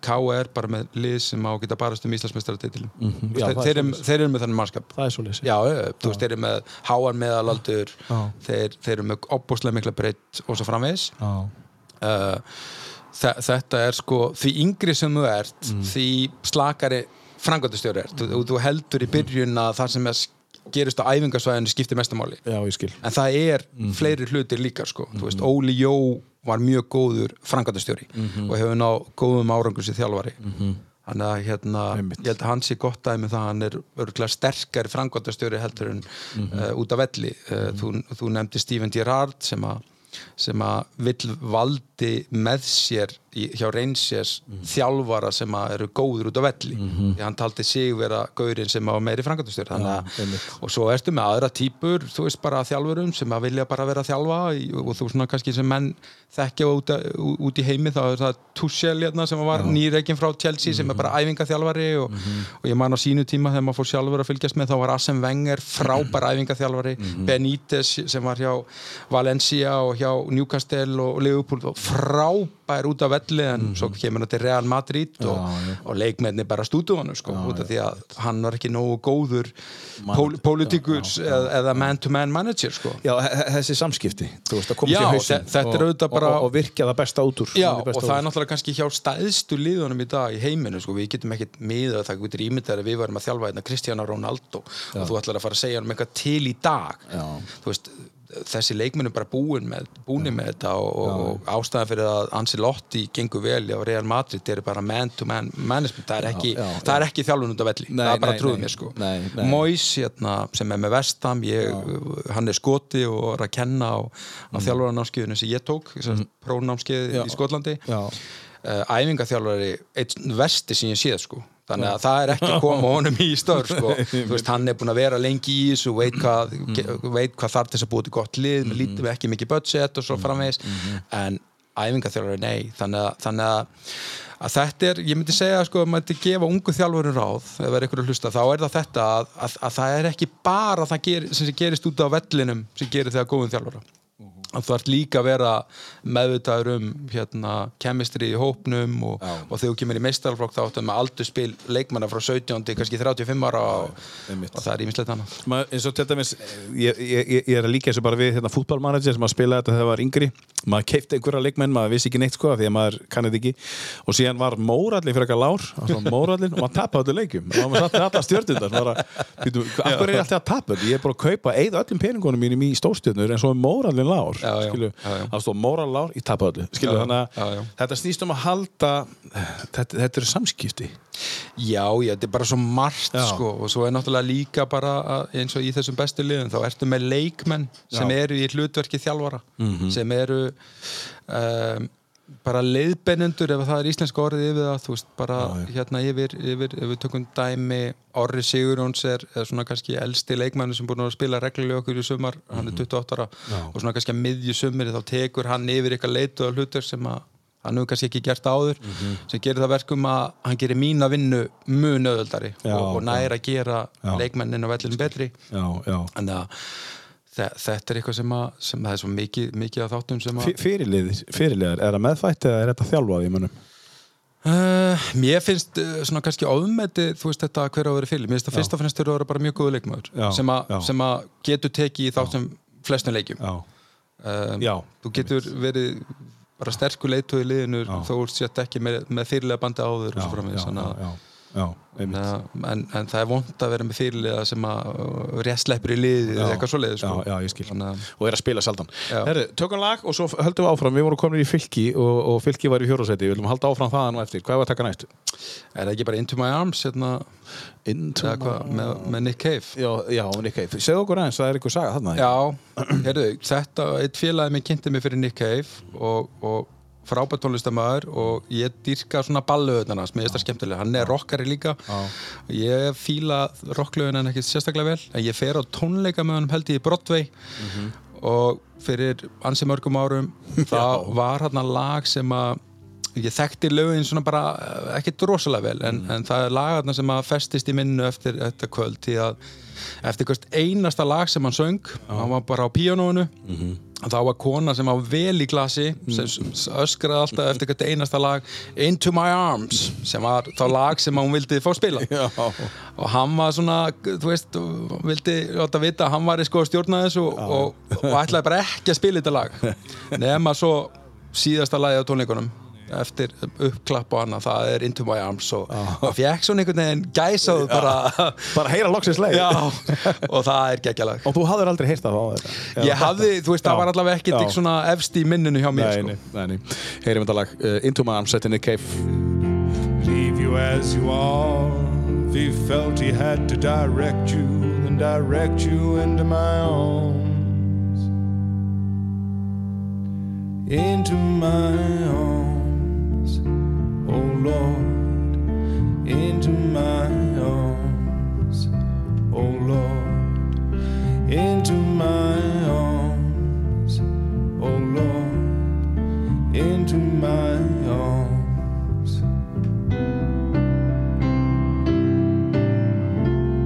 And I don't believe in the existence of angels.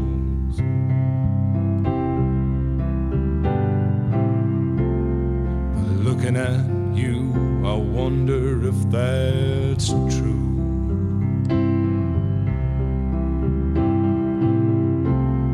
But if I did, I would summon them together.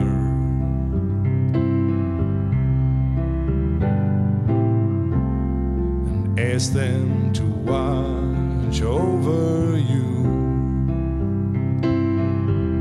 To each burn a candle for you to make bright and clear your path. And to walk like Christ in grace and love and guide you into my arms. Into my arms, oh Lord. Into my arms, oh Lord. Into Into my arms.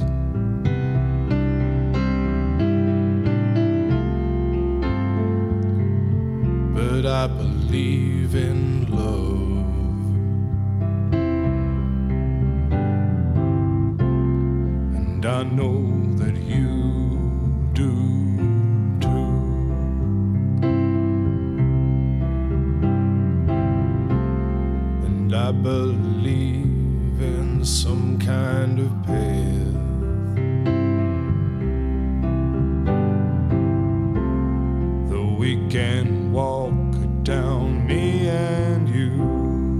Cave, uh, Into My Arms.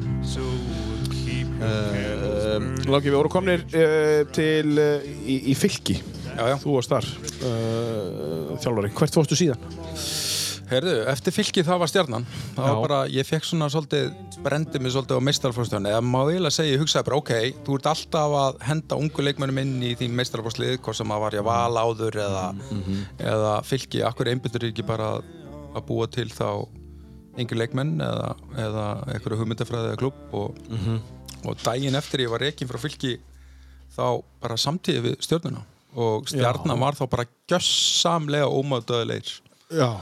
Og, og hérna ekki hátt skrifað í yngirflokkaboltanum og agalust umhverfi gjössamlega agalust í komandinn. Ég var svona þú veist það var hérna rosalega sérstætt umhverfi. Og þú veist að maður, maður svona þjálfari í öðrum félugum tölu alltaf um svona garðabæða syndrom þú veist að krakkarnir væru jú, getur komist yfir í leik og svo myndu þeir lendu undir og í mótletti og gjáðistur upp og svona, það var svona tala þannig, svolítið mýta kannski en, en, en Við ég- hvaða starfi tekur það? Ég verði yfir þjálfur yngirflokka þar og var í fimm ár sem yfir þjálfur yngirflokka og síðan tek ég meistarflokk frá kvenna á stöðunni í þrjú ár, þannig að ég var átta ári á stöðunni Já, já, og sama tíma var ég að þjálfa yngri landslið og einhver svona verkefni með KFC já, já. Og hérna þetta var gríðarlega erfiðu tími sagt, sérstaklega fyrstu þrjú árin á stöðunni út af því að það var bara veist, erfitt að fá þjálfara til þess að koma.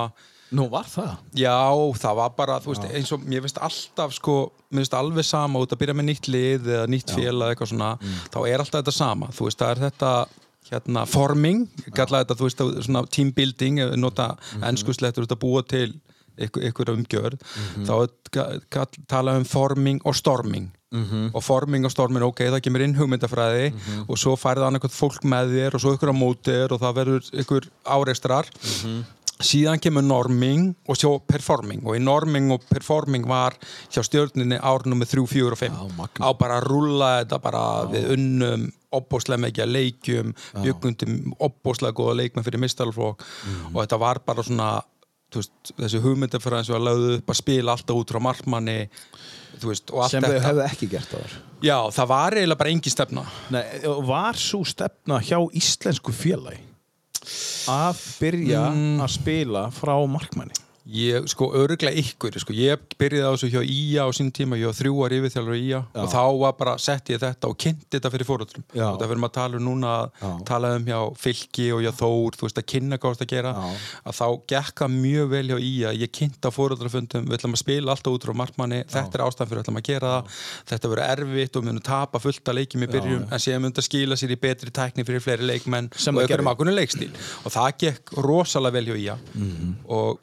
og og og, og, og hérna bara í svona samfélagi hjá Akranesi sem mikil hefð og krakkarnir ópslega dugleir og, og þú veist, það er svona alltaf einhver sem þekkja sem uh, var góð fótballtamaður, atvinnumæður og svo yfirfærið með þetta yfir á stjörnuna þá tók þetta lengri tíma en hjá já. ég en, en aftur sko bæði kynntu þetta vel og svo var ég með frábært fólk aðna í júlingaráði. Uh, kona sér Marja Greta sem að Frábær. sem að ég raun bara ég veit ekki þú veist, mikilvæga hennar þú veist, út af því hún var tilbúin að taka slægin bara við alla bæjarapparatið og, og, og, og hérna fólki í stjörnunni þú veist, það, þú veist þegar kemur svona mikil bætingi sem var í stjörnunni og fjöldi yðkenda og allt þetta þá er alltaf ykkur í kerfinu sem vilja svona reyna að hæja á þér og allt það sko. Hún fór svona, þú veist, ég var alveg tilbúin að taka fæti en hún fór svona, þú veist bara út í drullupott sko. Já. og, og, og, hérna, og hérna eins og til dæmis núna er eh, með aðstöðumálinn hérna á Akureyri þá er þú veist, orðið svolítið stríð millir Þórs og Káa, maður sér í, í fjölmiðlum. Já, já. og það er verið að, þú veist að að vera að gaggrina Þór fyrir að vera of kroftur eða mótmæla og samgleðast ekki Káa og svona Já, já. og allt það sko. En sko mín reynsla er það að ef þú ætlar að berjast við fólk sem vill ekki breytingar. Já, þú veist í kerfinu þá þarftu bara að vaða Já, já.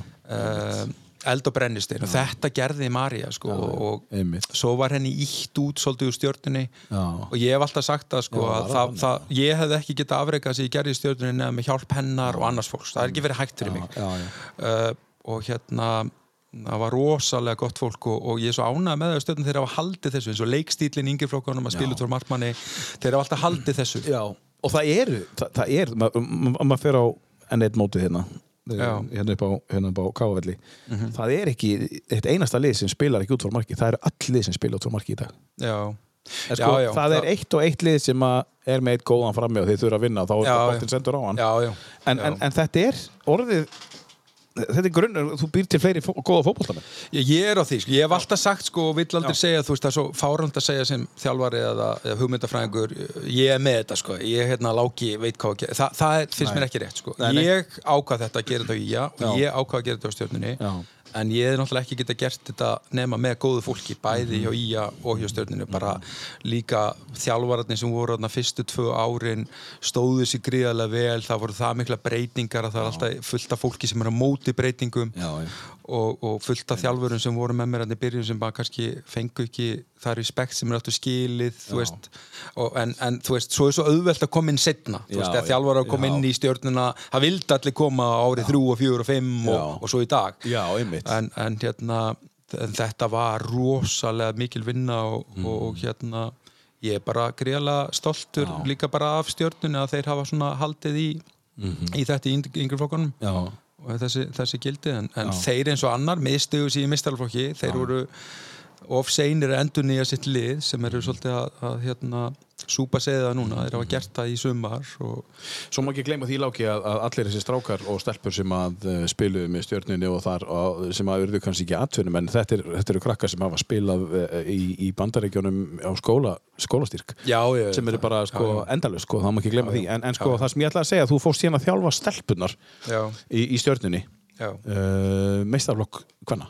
Mhm. og, og þá tóstu við svona, eins og þú segir svona einhverju svona, svona óslípuðum demanti uh, og svo má segja. Já. Hva- hva- ég, ég, held- ég held sko kosturinn við, við, við sérst ég var svona aðeins búin að vera í kringum að hjálpa honum Mána hérna fjölmjölamanni hann var með, búin að vera með þetta og Mána náttúrulega talandu um það, rosa góðu manager. Já, ekki, ekki sterkastur út á velli nei. en mm, hann átti stóran þátt í þessu mínum að þetta tók svona vel og, Já. Og ég var að hjálpa honum aðeins og þegar ég gat Já, og þegar við byrjum 2011 að þá þú veist, það var lið sem hafði aldrei enda, enda ofan í fjórðasæti Einmitt. en var, þú veist, duglega stelpur gott hugafær og vantaði bara svolítið gæði Mhm.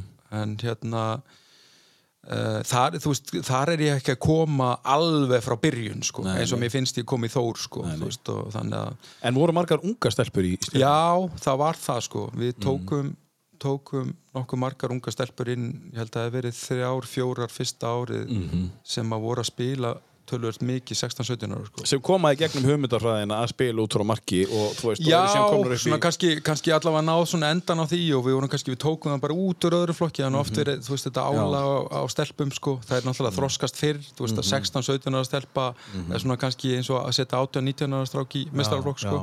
Það, er, það er náttúrulega, veist, lífaldurinn er svolítið öðru í þessi stelpumegin en við vinnum 2011 Já. mjög óvænt og vinnum ekki bara, heldur vinnum við 17 á 18 leikjum. Lítið baka, sko, ég veit ekki hvernig, hvernig við gerðum það sko. Nei, nei, og þá var valur með 12 landslismenn í sínu lið og við engan. Hugsaðir Eftir það tíðanbíl Nei, í því, bara það í tímabili. það, tí- en, Já, en, en, en, eftir tíðanbíl Já, já svo fer þetta að þróast þannig að stjarnan fer að fá inn Já. landslismenn Þá byrjar það að þá byrjar landslismennir í stjörnuna sem að Já, það svona gerist á næsta ári 2012 vinnum við byggarinn Já, já. töpundeildinni, Já. en spiluðum miklu betri fótbolta Já. en 2011 þetta var svona svolítið yðnað fótbolti 2011 og ég hugsaði sko við verðum að þróa leikstílinn og leikmenna og fáum með mitt Já, glótis þú varst ekki sáttur þarna með, með 17 sigra af 18 Þú vildir eitthvað meira? Mm, það var bara, maður hugsaði sko fram að þú veist, liðir ekki að fara að batna við, bætum ekki sko fótballalega getu. Og þá fengum við með Glótisi Perluin Já, 2012 og hún bætti fótboltan mikið en hún gerði tölvörsta mistökum, hún var mjög ung hún er alltaf fætt 95 Já. þannig að hún er á 17. ári. Já, og, og feð bara í liðið og stóð sér vel en gerir tölvörsta mistökum bara eins og ungi leikmenn gera. Já.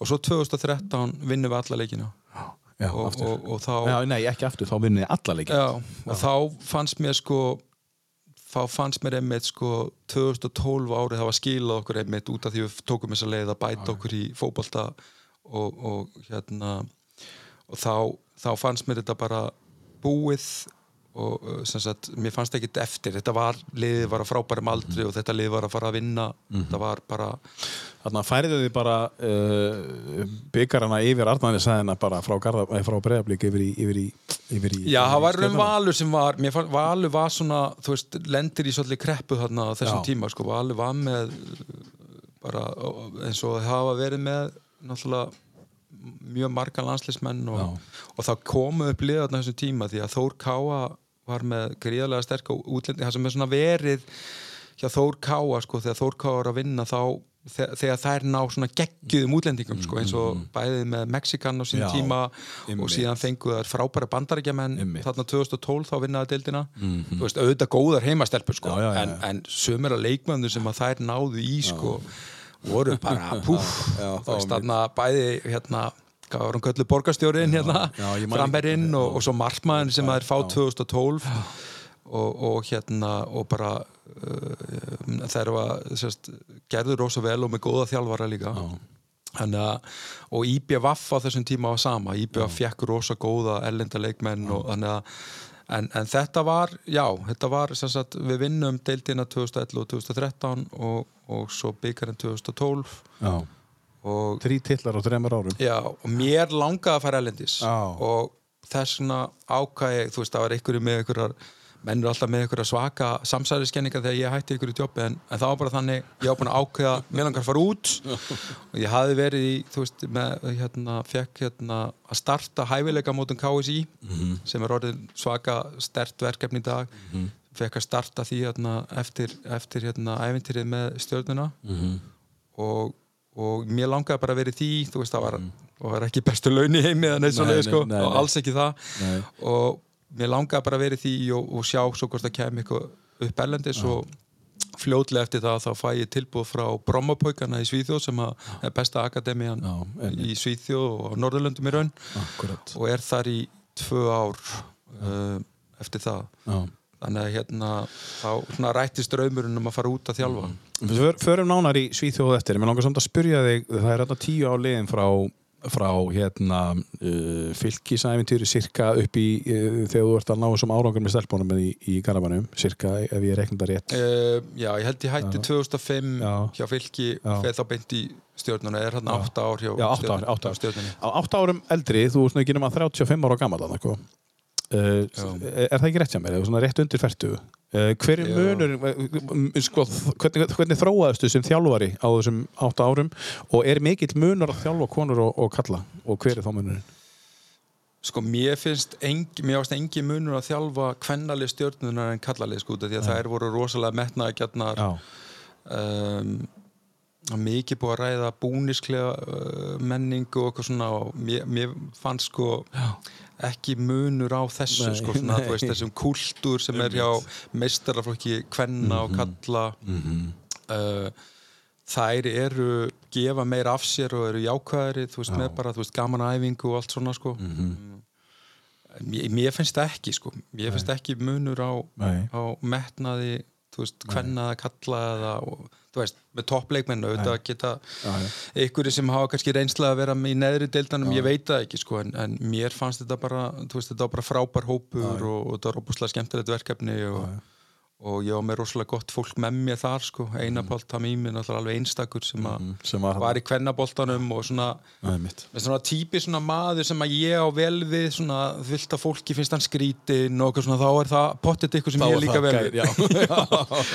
og segja hann sér svo erfur Já, og svona, mér- varst hann frábær sko. já, og hann gerði ótrúlega mikið fyrir kvennaboltan í Hann breytti bóðan já, já, bara þú veist Sko stjórninni, já. hann var til dæmis 2013 þegar við vinnum alla leikinu Já, þá var það bara meira honum að þakka mér sko. ég, ég var alltaf sko mm. ég var svo hrættu við þegar við vinnum anda 2011 stjórnunni vinnum deildina þá held ég sko ég bara trúði ekki að við myndum taka þetta yfir sko. Nei. ég hafði ekki trú á því að þetta er því svo stert sko. ég held ekki að liðið myndi taka svona svakalegu framförum og ég held bara ég hugsaði bara reynum að vinna sem flesta titla til þess að stoppa val, breðablik og þessi lið sko. ég, ég bara trúði ekki að við náðum að taka þetta svona yfir 2013 eftir ykkurar 14 umfyrir þegar við erum búin að vinna alla leikina þá fer einar að rála vinnum alla leikin Já, já, þú veist, já. þú veist, ekki verðum fyrsta liði til þess að vinna bara alla leikina.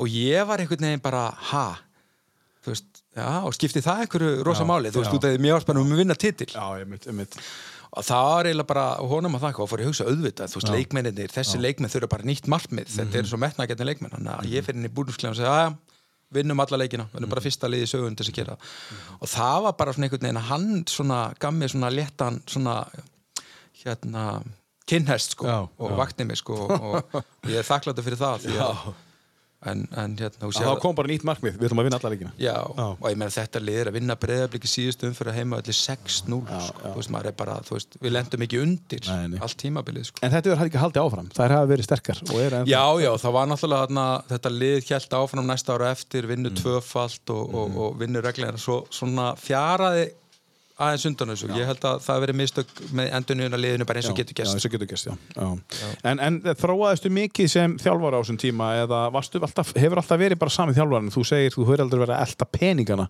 Þú að elta hugvitið uh, og, og þetta. Já, ég held sko að hérna maður breyst mikið og tímatin hafði þetta breyst þú þurft að breytast sko, fyrirmyndi mann sem þjálfara þegar maður að byrja voru svona gamli skipstjörnum sem var öskrandi og Já. Mm. þú varst bara þannig út af því að þú helst að það verið rétt að þú, guðminn góðum, maður breystu rosalega mikið Já, bara já. nálgun hvernig þú veist, og, Já. og hérna mm, bara þólimæð og annað sko, Mhm. og svona oft bara ekki besta útgáðan á sjálfu þér þú veist, það geta allir gengið í Mhm. gegnum þau tímabil en, en svona, já, ég, ég er svona uh, allt öðru þessi þjálfari í Mhm. daginni var sko, en það er náttúrulega líka bara út að samfélag hefur breyst rosalega mikið sko. Mm. Já, það er já. náttúrulega bara, þú veist, eins og ef við tölum um bara kvíða já, sem, að, þú veist, var ekkit rætt sko, Mhm. um fyrir, fyrir mörgum ári síðan, þá er er bara sem sagt, kannski er það út af því að uh, fólk er bara opnar af þetta að, þú veist, kallmenn sé opna sig með það þessu kvíni fyrir fótballtaleika, kvíni fyrir hlutum og svona, einmitt. þá er það þetta gríðarlega breyting Einmitt, fyrir einmitt. okkur Já, fyrir ykkur þjálfana Já. að takast á við uh, Tökum lag og förum síðan til Svíþjóðar uh, Láki, Hva, Já. hvað viltu taka? Herðu, við ekki taka bara November Rain, er það ekki bara fínt? Þetta minnir mig svona kannski á Neskust að ég var að spila þar. Hérna, vinu, vin, góðu vinnu minn var sko alveg glerharðu Guns N' Roses maður. Og, og hérna svo um, er þetta búið er orðið þannig að sko þegar maður eldist að maður búin að heyra sömu lögin í 30 ár þá er verið að breyta þeim í ykkur ákveðna útgáfur. Komið svo cover. Já, og mér finnst rosa gaman að finna Já. góð kofil og þetta er eitt af þeim. Þetta er eitt af þeim. Þetta, Þessi útgáfa er með Sandy Tom og hún hefur nú alveg verið hún er nú alveg þekkt. Hún hefur sko gefið út nokkur lög uh, og það vissi á þessu punkrockar því kannski muni eftir því. Hún söng það, það er svona stærsti smellurinn hans. En hér er November Rain frá Guns N' Roses í hennar flutningi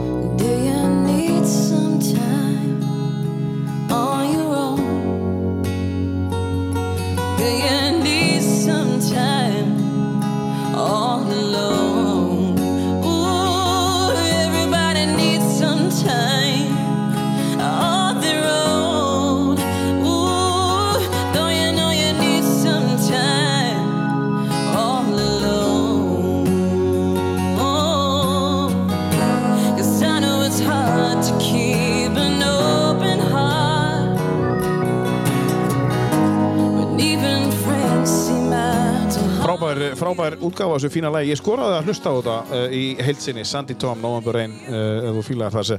Uh, þetta, þetta, fína lag með Guns N' Roses. Láki, um, við vorum að tala um Svíþjóð. Já, hvað, þú, þú, ert, þú ert í stjörnunni, segðu okkur svona frá skiptunum hérna yfir og hvernig það kemur þín. já, ég fer í raun tekarna eitt ár í KSI og síðan er bara þetta eitthvað sem kemur upp í gegnum umbóðsmann hvort ég áhuga að hitta þá og, og hérna og þetta var bara eitthvað sem að um, var skemmtileg sko. Þessast brámapókana, þú veist það er ekki margir sem þekkja liðið, þeir eru í næstafstu deild í Svíþjóð núna, það var bara sveiplast mikið þeir hafa verið í efstu deild og má segja þetta sé svona næst efstu deilda lið í Svíþjóð sem að þróa leikmenn fyrst og fremst og síðan er í því að vinna fótballaleiki Já, með algjörlega þína hugmyndafræði bara, basically.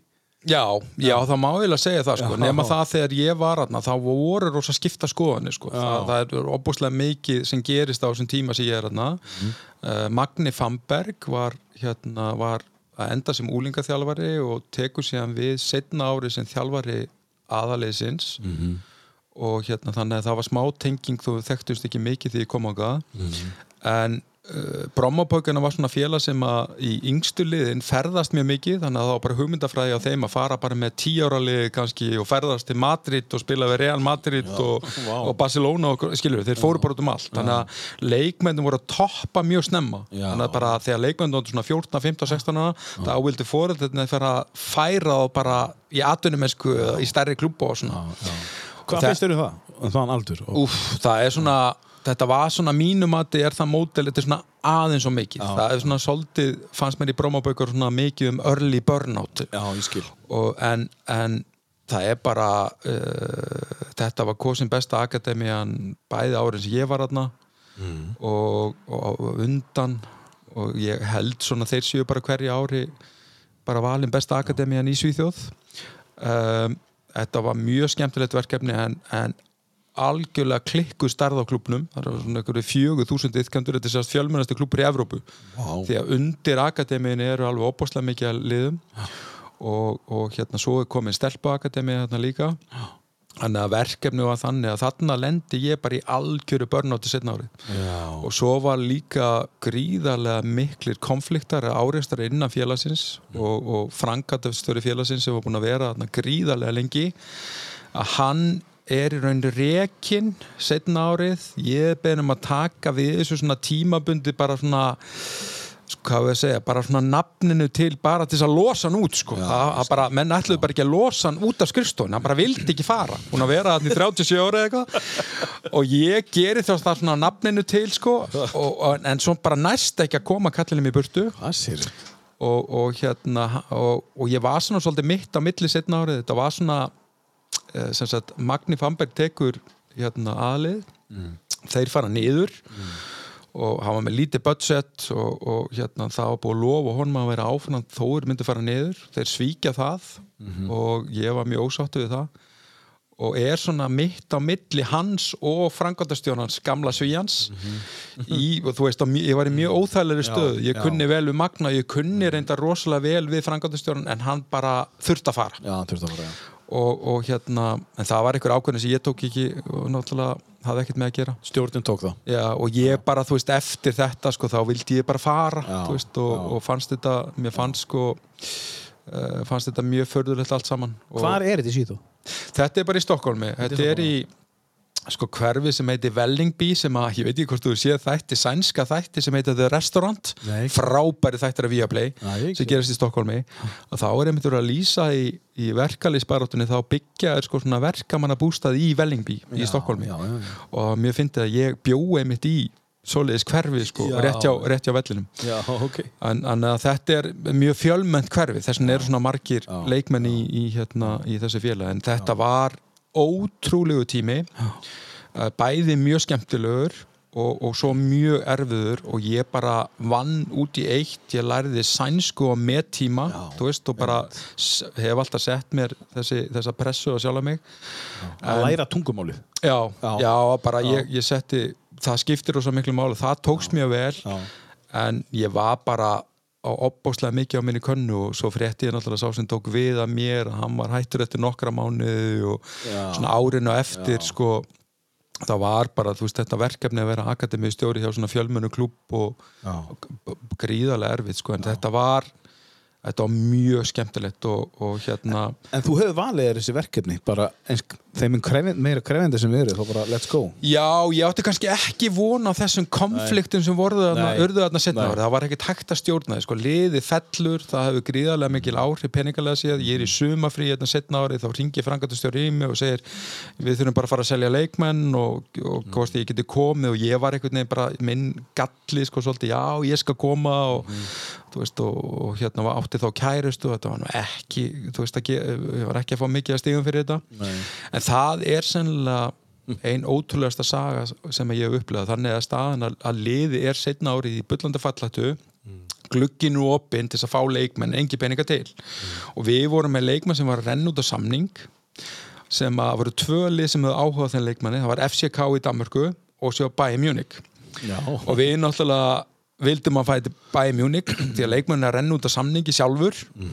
Og, og við bara þurftum að fá pening og við förum sérst ég og þessi frangotastjóri sem heitir Úli Danart mm. til, til hérna München. Og það var þannig að Úle Hönes var, var þá semast yfir akademinu hjá, hjá hérna Já, já. var frangotastjóri en út af hann hafi brotið skattalagareglur þá íttur hann í akademinu Já, við vorum ekkit alveg með þetta Nei.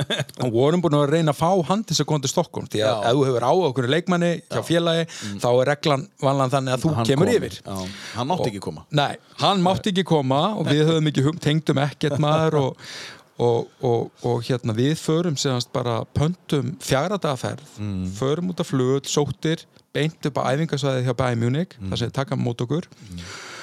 Og við semjum um kaupverðið á fimm mínútum.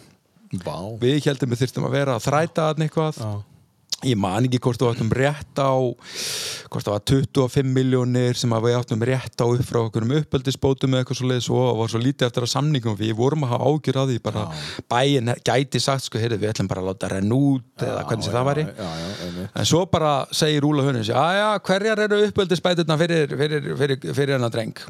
Og þá misreiknar sko frangatastöru sig og segir 35 miljónir þá áttar það 25 miljónir Já, já. já, já, þá borguðu bara tvöfalt þær og það er 70 miljónir sko við, við vorum bara heldum værum að fá einhverjar, þú veist, 15, 20 hvað það væri sko Já, já. og hérna, á sama tíma er sem sagt þjálfari liðsins, Magni van Berg, þetta er nú ljóta ég verð nú að opinbera þetta og einhverju stjórnamenn bara lágu í okkur Já, já. að að, hérna klára þetta þetta skiptir miklu mála Já, náðu auðvitað. pening til þess að geta fengið einhverju leikmenn Auðvitað. Og ég segi Úla heyrðu, þú veist, og við vorum báðið bara í burnouti sko, Mhm. gjössanlega búinir á það búið mikið að ganga og aldrei frí. Og hann segir, heyrðu við erum búin að klára þau ekki að drífa okkur heim. Og ég segi bara ekki séns við erum að fara heim. Við klárum þessa fjóra daga. Já, já, og í þessa fjóra daga þá vor, vor, var ég á flottasta hóteli sem ég noktið að vera á. Já. Pluss það að við vorum með stjórnina á bakinu allan enna tíma sem við vorum að spurja okkur hvernig gengi. Og við vorum bara, já, þetta er mjög erfið að fimm Heyrðu, mínútum. svo er ekki nóg með það. Síðan er á endanum kallinn rekin eða hættir í félaginu og, og síðan er eitthvað viðtal við hann einhverju tveimur árum setna í, í hérna einhverju hérna blaði. Og þá er hann spurður aðeins og hann var hann í 37 ár Já. hann spurður aðeins hvað er eftirminnilegasta atvikið í brómabökjuna það er ákveðin ferð til bæði mjúning þegar við seldum leikmann og ég sprakk úr Já, þú varst þetta bara í að, því að þá, þá hérna myndi ég eftir þessari sögu sko. þetta er ótrúlegt sko. Sko, fyrsta lagi, sko, þú, átti að fá 25 miljónir og fengur 70. Þið byggustu 15. já, við vorum Já, bara við, bara sáttir við það? já, já, Já. já, guð minn góði sko, Og síðan alltaf bara klárið klárið þessa daga, auðvitað. Já. Og svo voru bara, ég sé alveg fyrir mig í símtali, bara, já, þetta er, þetta er pínu erfitt, við erum hann innan á að landa þessu. Magna eftir að drepa mig sko. Nei, nei, nei, nei. Alls ekki, sko. Er hann ennþá út í það? heyrðu, Magni er núna held í starst hann fór í AEK eftir þetta og þetta var nú svolítið drama með brómabökuna því að Mm. Ég fæ sko þegar ég er að hætta þá fæ ég tilbúð frá AEK alveg toppjobb þar Já, já. sem að uh, Brommabökuna koma að stað Já. og Stokkólmaliðin AEK, Brommabökuna, Hammarby og Djurgårdin það er bara hatur þar á milli sko. Og, það, ok. er, og, það er, hérna, og það var bara þannig að ég veit ekki hver gerði það en þeir bara skemmtu það fyrir mig sko. þeir voru mjög ósattu við að ég ætlaði að fara þangað Það hefði bara verið eins og Figo fóð frá Barcelona yfir í Real Madrid. Bara. það var alltaf því sko Já. og sérstaklega þú veist að ég ég hérna vildi hætta og, og, og hérna mér leist vel á AEK en, en svona er þetta bara Það væri búið að gera Netflix þáttum um þetta ef þú hefði farið bara.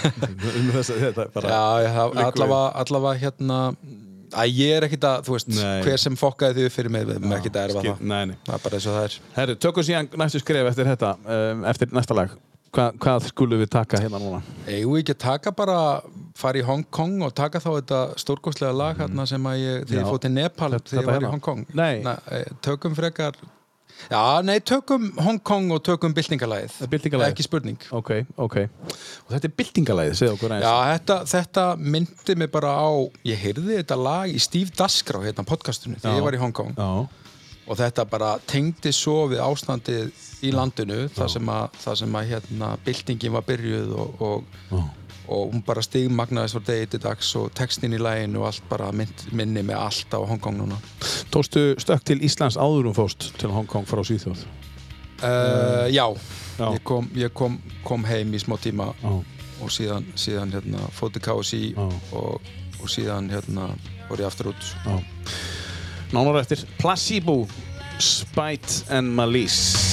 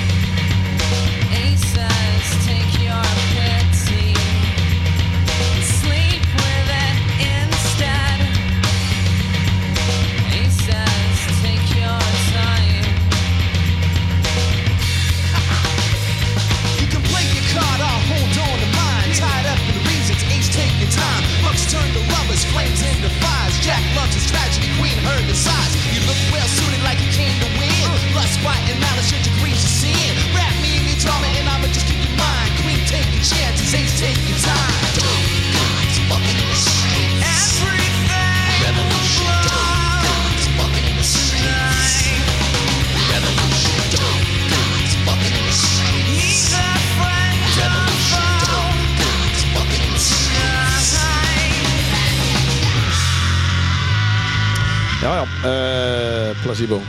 Og þetta minnir á Hong Kong. Já, heldur betur, heldur betur. segðu mér hérna uh, Svíþjóð, þú komst, þú varst þú sagðist að það hefði verið í svona burnouti. Hvernig, hvernig, hvernig vissur það? Og fannst það var það bara, að vinna á mikið? Fyrst, fyrst ógi á fótboltanum eða fyrst að fá frí nei, bara? þetta var bara, ég held að ég var típisku millistjóðandi í Svíþjóð, sko, náttúrulega með yfirmann sem að sem að var erður, ég kunni rosa vel við hann, sko, mm. og svo voru bara þarna félagi var bara í, í mik mikill tókstreitu og, og, og, og svona hættir að hafa gaman að þessu sko allt og mikið á þinni könnu sko náttúrulega. Já, allt og mikið sko, alveg brjálæði. Og þá fór maður að fá svona líkamlega engin og fór að tjekka og alls konar hlutum að held eitthvað að, þú veist, þetta byrja út stífur í hálsinum og heldur að sé eitthvað brjósklós eitthvað, svo er þetta náttúrulega allt streita. Og vandamálið er að ég ég útiloka alltaf streytu því að þá Íslendinga við erum alltaf, já, ég, ég er svo góður undir pressu, sko. ég hef aldrei klikkað undir pressu, svo náttúrulega bara er þetta bara eins og ykkur, ykkur, ykkur laukarlög sem að, þú veist, þegar þú ert með streytu svona langan tíma, þá fer þetta bara inn í einsta lægið og, og þá þarf að fletta ofan því og, og ég hitti kýrópraktor sem hafði lent á spítala vegna burnouts. Já. og þegar ég hitti hann og sagði bara heyrðunur, þetta er ekki líkamlega, þetta er streyta, ég skal bara hjálpa þið með þetta og hérna, þú kemur til mig í Norru Kóru en, en uh, sko, upptökin eru streyta, það er ekki þetta líkamlega. Já. og það var bara maður bara slak, slakna á bara loksins að heyra það sko, ég hef búin að fara í alla blóðpröður og þápröður og allt þetta kæftaði sko. Allt gekk vel Já, þannig að, þannig að hérna, það var mikill lærdómur sko að þurfa að hæja á sér sko Já, og, bara, já. og ég fór að stunda jóka út í Svíþjóð, það hjálpaði mér mjög mikið Mhm. og svo að hæka já, já. og hérna og svo hefur það þróast út að ég hef notað meditation, ég hef notað mikið hérna app frá hann Sam Harris Mhm. uh, Waking Up, algjör snillingur og hérna og ég nota það og er náttúrulega reynd að hjálpa öðru fólki sem er á svipum staði eða leikmönnum að benda þeim á, á, þú veist bara á á hérna, hérna meditation, hvað er ekki reyðilega mikilvægt sko já, já. Um, já þú, þú en ertu ennþá í svona uppbyggingar veist, ertu ennþá í þessu andlega svona, það kom til þín stundar ennþá jóka Já, já, já, já. Já, þetta er bara partur ertu af í minni lífi hugleiðslu sko. eða? já, Já. já, það er bara partur af minni lífi sko. þetta er auðvitað svona, þú veist, misduglegu sko, við erum náttúrulega, þú veist, maður er stundum þetta maður er að vera latur og heldur maður þurfi ekki að halda og Einmitt. þetta er svo vinu minn sko sem er geðkvar og síki, hann hefur svona tekið sveiflur öðru hvort og hætt að taka töflurna sko Já, sko. og þá gengur þetta í ykkur tíma svo bara er hann komin inn sko Já, þannig, já, að- þannig að hérna, akkurat. og við erum bara þannig, veist, við Já, erum, verðum svona Já. complacent og, og hérna höldum að Já, já. það sem að hjálpar okkur og svo mikið hætta hjálpa okkur og þannig að já, ég, ég er ennþá þarna og, og hérna og, og hérna þetta skiptir bara ótrúlega miklu máli og bara mitt mengi er mjög lítið sko, maður að já, fáa góða vini og, og reyna að halda bara þú veist, þessu mengi eins litlu og hægt er sko. Ein, einfalt. Já, rosa einfalt og, og, hérna, og það er bara henda mér rosalega vel og svo er maður bara, er maður bara devoted til vinnunar sko. það er nú bara þannig með eh, með hérna þetta starf sem ég tók að mér og Þór sko. það er bara, Já. bara, bara búin að gefa allt í það sko. uh, en þú ert núna með ákveðin mörk þú, þú, þú veist mörkin betur núna já, já, já, algjörlega sko. Já, það, það er bara hérna og þú lætur smita þetta yfir í strákana að þú veist þetta, þið geti, grætt á því að stunda hugleyslu og... Já, það er náttúrulega mennur, þú veist, það tekur tíma að fá tröst með það, sko, kemur ekkert inn af degi eitt og segja, já, já, strákar, leggist þið allir niður, slakið á. Veist, það, það, það, það, þýðir ekkert, sko, Nei, nei, nei, en það eru nokkri leikmenn í hópni sem eru móttækileg fyrir þessu, Mhm. eru bara kannski andlega þengjandi og svona, og þá reynir maður að hjálpa þeim sumir, það hefur hjálpað sumum. Mhm. Og hérna, og þetta uh, ég, þetta er eitthvað sem ég vil nota meira á næsta tímabili, þú veist, Mhm. af því að við höfum rætt mikið setni hlutan andlega þáttinn, Mhm. rosalega mikið inn í búnusklefanum yfir hópin og, og það hefur hjálpað sko. Mhm. maður finnur þessa, þessa leikmenn svona, sérstaklega hennar millihóp Mhm. sem að á að taka við kepplinni þegar er engir eldri leikmenn í hópnum Mhm. Já, að mér veist þeir hafa styrst rosalega mikið sko, þessi stráka svona 99 til, til, til, til hérna eða hvernig sagt kannski 97 til 2001 sko, Já, sem er svona kjarn í hópnum Já. Uh, þeir geta hlusta á þáttinn þá, þá fáu þeir alla söguna að þá vita hvað veist, Já, vita hvað ég klikkaði, sko. þú klikkaði sko. Já. Herðu, en hérna uh, þú varst komin frá Svíþjóð til Íslands Já. Tókst við starfið hjá KSI, hvað varst að gera hjá KSI? Já, það var hérna, það var í fyrsta skipti sko, maður í fullu starfi á KSI sem landslistjálfari, ég var þar í ákveðin tíma og, og svo fara að koma upp bara alls konar möguleika lælindis Já. sem ég fer að skoða, fer í viðtöl já, Ertu með umbósmenn á þessu tíma? mm, já og nei sko Já, þetta já. bara kom í gegnum alls konar ok. hluti, þannig að ég fer í, í hérna viðraði við stórklúpa Norrlöndum um starf og síðan fer ég fer allt í henn að koma sér gríðarlega áhugi frá Kína Af hverju, af hverju, hver er tengið? Ég held að það sé bara árangur landslýsins. Ég held að það hafi bara verið þannig og ég var komin í viðræði við breskan umbósmann sem var með kýmvenskan umbósmann Mhm. sem var tengdur inn í uh, sem sagt í klubbin sem var með eitt fulltrúa sem að frá kommunistafloknum, þannig virkaði þetta. Já, já. Þannig að það átti semast að ráða yfirþjálfara hjá uh, akademíunum í, í kýmversku súbelíkunni og þú þurftir að vera með pro-license, ég var með já. Og minn profíl hentaði mjög vel í þetta og þeir sögðu bara við mig ok, það eru þrýr klúpar sem kom til greina þú hefur ekkert með að segja hvað þú endar þannig að þetta var bara miðstýrst sko. og einn af þessum klúpu var svona eitthvað sem ég hef leist að vel á mér leist nú ekkert rosalega vel á hinna tvo og einn klúpurum var í norðu Kína bara einhverju frosti og helviti sko en, en launin sem voru að bjóða í því voru stjartfræðileg sko. Já, ná, bara- upp í norður Kína. Já, bara í Já. Nei, öllum þessu Kína, stöðum sko, já, starf, já. sta- það var bara eitthvað stjartfræðilegt Já, sko, og já, hérna og það var orðið þannig sko, Eitthvað sem þekkist ekkert. það, það þekkist ekki bara, þetta var bara alveg bylulun sko, og hérna í millitíðinni er með bent á semast að Hongkong sé að leita af hérna, yfirmanni knaspindumáli og knaspindusambandinu og ég ákvaða að sækjum það. Og þar eru bara einhver ákveðin laun first laun var, og, og ég vissi ekkit í grunninn uh, hvað, hvað launin voru. Og bara spurður að því hvað ég myndi vilja í laun og ég setti eitthvað þar. Já. og, og síðan hérna fæ ég starfið. Bara, þeir bara fer í viðtal einhverjur fimm bóðar í viðtal og þeir ringja í mig klukkutíma eftir. Og ég þarf bara að svara því innan sólæni sko ekki taki starfið ekki. Og það er vel launað en ekkert í líkingu við Kína. Já. Hva, hva, hvað þurftur hvar varstu stattur og, og hvernig þurftur að byrja? uh, þetta var sem sagt í november 2018 Já. á því ári var ég bara búin að vinna á kásinni var ég endalusi flakki ég fer í, í ótrúlega ferð til dæmis til Sútan í gegnum umbóðsmann að hjálpa knaspindinsambandinu í Sútan í Afríku og í þeirri ferð Vá. það, þar var ég bara heppin að komast heim lifandi Nú. uh, hérna, þannig að þetta var svona bara ykkur óbúslega mikil ævindir að þrá og hérna uh, sem að endur speglaðist því að ég var alveg tilbúin að fara til Kína þó svo að konan mín, mín fyrirvandi kærasta myndi ekki koma með mér Já, já. og, og, og svo var ég að taka svona, svona verkefni uh, út um allan heim og, og ég held að á þeim tíma var rosalega mikið respekt fyrir íslensku fótbolta Já. sérstaklega í Asíu og Afríku Já. og, og ég fer í þess að ferð til Sútan þar sem að sem að endaði með því að ég ásamt tveimur öðrum þjóðurinn sem höfðu verið að vinna fyrir Þíska knaspindusambandi voru beðnir um að fara á hverjum stað og hitta eiganda hjá knaspindufélag í Sútan og svo komast þjóðverðarnir að því að þess að eigandi félagsins er eftirlýstur fyrir stríðsklæpi í Darfur í, í Sútan og, og við tilkymum náttúrulega knaspindusambandinu í Sútan að við ætlum ekki að fara Já. og þá fyrir ykkur atbyrður þess að stað þar sem við erum bara fastir á hóteli ekki með vegabrið okkar, milliliðurinn okkar milli knaspindusambands, sútan og okkar lætur sér hverfa og við erum bara metuðan þannig við erum bara lífsættu sko. Já, þeir segja við séum njósnarar og, og svo framvegis sko. Jesus. algjör bilin Já. og ég hef aldrei verið eins hættur á minni lífsættræfi Nei. og var í svona 24 tíma bara sem að ég var bara mjög hrættur sko. og Bara fasturinn óþörflíki. Já, þeir sem sagt það er sem sagt þýst sendiráð í, í kartún í höfuborg Sútan og þeir hafa sambandi þá og svona í fyrstu voru þeir nú ekki að stressa sig á þessu svo leið og, og þeir tilkynntu að, að hérna í hlustæðinu og símtalið að við værum þeir segðu að við værum njósnara þá bara komuð þeir á bíl náði í okkur, lóðsu okkur út af flugvöll bara stimplar í gegnum allt og við út úr landinu sko. Já. Jesus.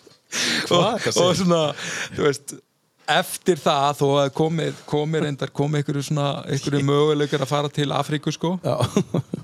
þá er maður kannski ekki verið eins spenntur sko. Nei, en, nei, en, ég en þetta er eina svona Vá. skiptið sko held ég í lífið mínu sem að vera ykkur svona lífshættu sko. ég var bara Já, sko, flestir upplifa nú æfið sína ána fólk án þess að fara í líf Já, og svo var hérna, Sko- byrjaði bylting í Sútan tveimu viku setna Já. Það sem að fórsetunum var velta stóli og það er búið að vera bara síðan þá hérna er búið að vera mjög hérna ófriðsamlegt sko. Þannig að þú veist, bara svo fólk gerir sig grein fyrir þá var um, Bin Laden var í æfingabúðum í ímyndaðir og það voru uh, sanctions í landinu þannig að þú kannst ekki nota kreditkort og, og, þú veist, og ég er fastur í landi þar sem að þú getur basically ekki gert neitt sko ef þú lendir í einmitt en, en þetta var mikil upplöfun og ekki nóg með það heldur lendi í því að ég drakk vatn á flugvöllunum sem að fannst eitthvað bræðast mjög undarlega og ég fæði þess að því líku dellu. Nei. Og þegar ég kem heim þá er svona hæfileika mótun á Akureyri. Ég kem hingað og, og ég var veikur alla helgina. Tók bara æfingarnar og svo var ég bara á klósitinu Já. og endaði með að fara upp á spítala og þar segir, segir fólki sko að aldrei hefur séð eins annan eins aðskota hlut og var í segir? það var einhver patta sem að sem aldrei séð þannig að það var einhver vika bara á klóstinu Já. en, en, en þetta var Þetta var mikil upplifelse í, í Sútan bara maður kynntist menninguna þarna og kynntist veist, tónlistinni og, Mhm. og skemmtilegum hlutum á að tekið mm bara eins og einhver þjóðhöfingi Já, sko, eins og já, einhver já. hetja sko.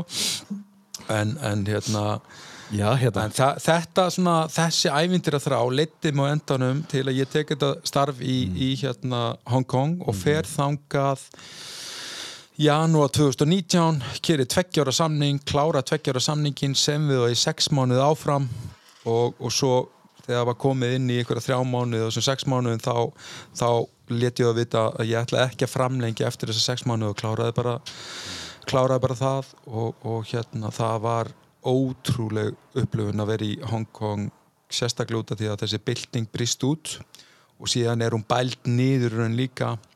Og ég náttúrulega uh, verð vitni að því að lauruglumæður er barinn gjössanlega í stöppu og, og hérna kem við sögu þar.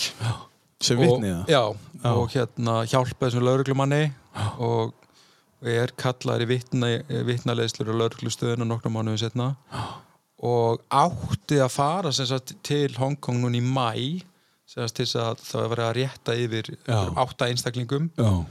En, en út af COVID þá er því öllu senka þannig að Mm. hérna, ég hef ekki teirst núna í sex mánuði sko, hvað hva verður með það sko. Þannig að þú ert ennþá vitni og átt eftir að byrja Já, ég ætla að vera ekki búið að slá út af borðinu. Nei, nei. En, en hérna en hérna mm, já, það, þetta var Hong Kong var æðislegu tími Förum til Hong Kong bara eftir smástund og, og þú varst þarna líka á, á, á COVID-tímum. Já, uh, Tökum eitt lag fyrst uh, Er eitthvað sem tengir við Hong Kong eða, eða þú veist, það var þetta hérna Já, ég, ég, ég búið með byltingarlega Já, Ég búið. held sko að verið, ég fór hérna í meiri Hong Kong þá fór ég við til Nepal Já. og, og hérna, það, það er svona kosturum við sko, við erum svo einangur í Íslandi ég hef alltaf sagt það, þú veist, Mhm. leiðum að vera í Svíþjóð á svo stutt að keira eitthvað, fljúa eitthvað Mhm. og sama með þessi Hong Kong sem okkur fyrst eitthvað stærri raskati Mhm. það bara tókstu, þú veist, flugvel í tvo tíma og komum til Nepal Já, já, sem að, einmitt. svona staði sem ég langa alltaf að fara til Já, og já, ég fer þangað fjára daga frí í kringum hérna, Mhm. Chinese New Year, loki janúar, byrjun februar og þá eru þeir að spila tónlist sem er bara vinsanlegsta tónlistin í Nepal sem er eitthvað sem að við köllum 80s eða 90s sko, það er ekki verið 80s nærði og það er hérna lag sem að ég hugsa alltaf til bæði Hong Kong og Nepal að það, þessa tíma að það er, það er þetta lag með Leo segir að hvað hann heitir. Þetta sló bara í gegn og var vinstasta lægi í Nepal 2019 Kom út sko 1980 og eitthvað. Já, Svona heimsvísu. Já, æ, æ, ég- það minnir mig alltaf á Nepal Já, góða minningar? Já, Já, geggja minningar. hrikalega flott lag, hlustum á þetta lag með Líu, segir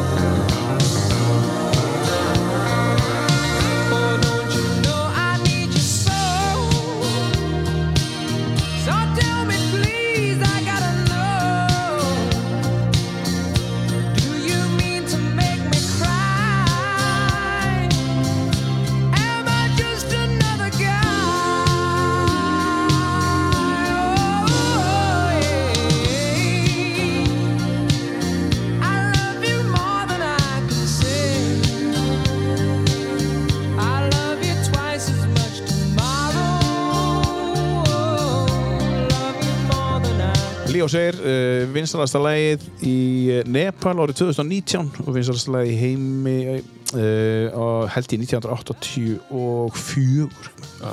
skemmtilegt Já, er allt svona í Nepal svona, svona, svona late bloomers? Já, þeir eru, það komið mjög óvart hvað, hvað hérna infrastruktúrin er, er gammadags, þeir eru Mm. rosalega langt á eftir, menningin er svona bland af Kína og Indlandi, þú veist, maturinn er þannig. Það góð matur eða? Geggjaður matur, sko. Það eru auðvitað mikið íslendingur sem fara þarna út af, uh, náttúrulega Mount Everest, sko. Að fara í grunnbúðunar allavega, eitthvað svo leiðis en, Mhm. en að fara og sjá fjallagarðin, sko.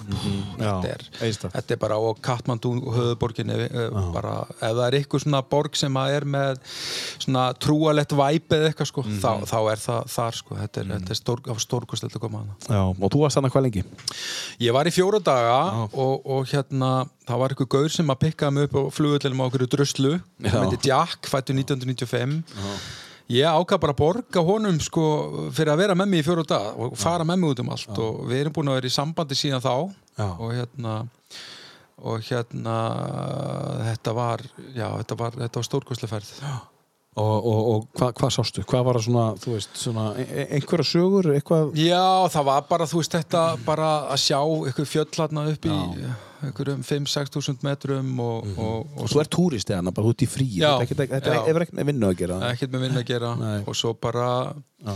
kultúrin, maturinn veist hvernig fólk klæði sig í þessum litum sem klæði sig og bara gesturistnin og, og svo þetta bara Mhm. þessi þessar hefðir sem eru, eru þarna sko, þú veist, þarna er verið að brenna fólk inn í borginni veist, lík veist, og bara Já, þeirra trúabröð og annað, mér var svona, þetta bara, og kemur inn í suma borgir, Hongkong er með þetta líka. Mhm. það er bara ákveðið væp það er bara maturinn, þú veist, það er ljósa þú veist, ljósa mer, Merðin, mer, já, já, merðin eins og, í, og og í Tókíó líka og kemur inn í Tókíó þessar borgir, þetta er bara þetta er svo framandi manni, sko. Mhm. þannig að mér, mér varst það mér varst, sko, Nepal, ég mun fara þangað aftur alveg klást, sko. Hong Kong í dag, er það framandi fyrir þér eða er þetta orðið svona, þú bjóst á því 2,5 ár Hongkong í dag er bara stór partur af minni líf, lífi sko, og bara ef ég færi þangað þá finnst mér hálfpartin eins og ég var að koma heim sko. Segðu okkur eins frá hérna Hong Kong bara þegar þú fórst á, hvað hétt staðan sem þú tóst við?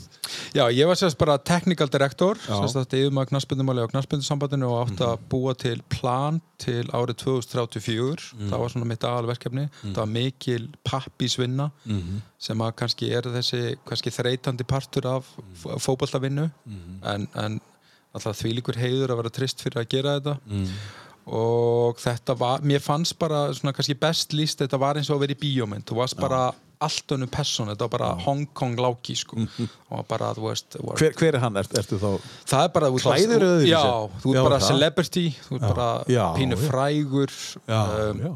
En náttúrulega svo gríðaleg stjættarskipting í Hong Kong þannig að allir þéra þig. Já. ég varst það mjög óþægilegt og bað fólk um að gera ekki Já. sem vann með mér. En sumir gerðu það samt sko, Já, bara já. kunni ekki annað. Um, þe- þetta var þetta var bara, já, þetta var mjög mikið öðruvísi og, og hérna Hong Kong er svona svolítið eins og New York er lýst sko. Ef þú meikar að það getur þú meikað allstaðar þetta opnar rosalega mikla dyr fyrir þig bara í öðrum hlutum. Og ég var að díla við hjá knarsbundisambandinu í stjórn knarsbundisambandins voru menn sem að voru allir forríkir. Já. ein konarindar og hún náttúrulega bara líka forrík.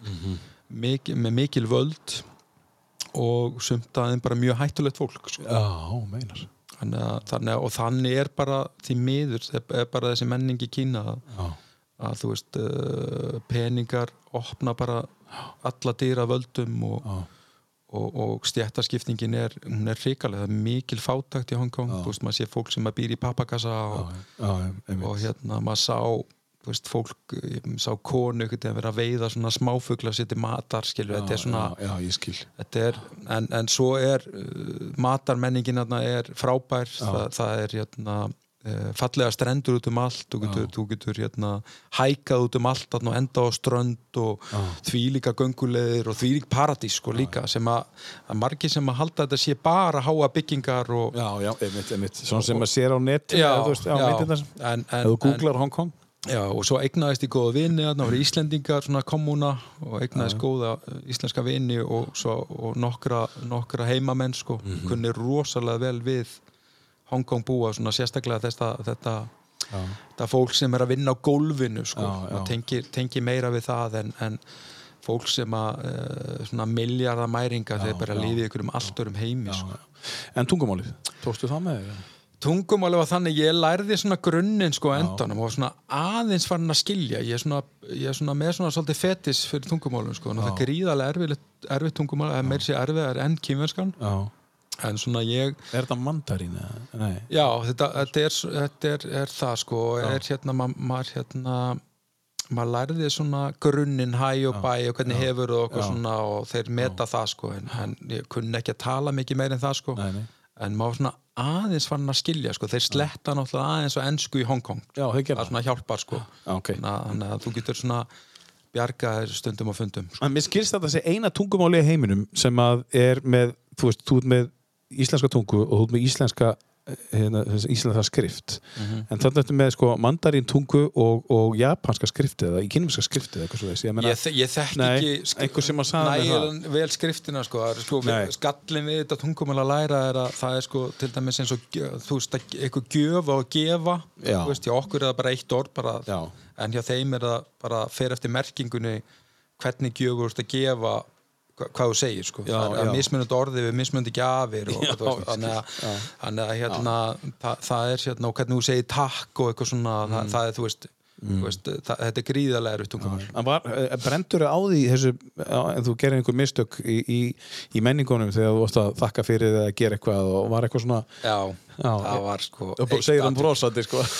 Það var eitt aðeins sem var mjög vandrarlega sko. þannig er að, að hérna, það er í Asju þá eru allir með nafnspjöld en þá sem við erum náttúrulega hættið með sko. og, og, og ég var með ég var með nafnspjöld með þessi og við vorum svona aðal styrtaraðili knastmyndisambandsins var hérna uh, fyrirtæki sem heitir The Jockey Club sem að rekur uh, veðmála uh, mikið veðmál sko er með mm -hmm. hlaup svona, Mhm. Svona uh, hesta, og- hesta, já. já, veðhlaup og, og svona svona breskur grunnur Mhm. í því fyrirtæki, alveg eiga skítapenningum og við vorum í, mikið í samvinnu við þá og Mhm. ég sagt var með svona sagt kort og það var svona rosalega langt fundaborð Mhm. og ég halla mig við borðið og svona hendi kortinu aðeins yfir Mhm. á eitt sem var afhendu kortið það er réttilega til að svona renna til hans. Og það var mjög illa að sé sko, því að þú áttir enn sko að taka kortið með tveimur höndum beigja þig niður í höfðinu og lúta höfði þú? til þess að þegar þú ert að gera þetta.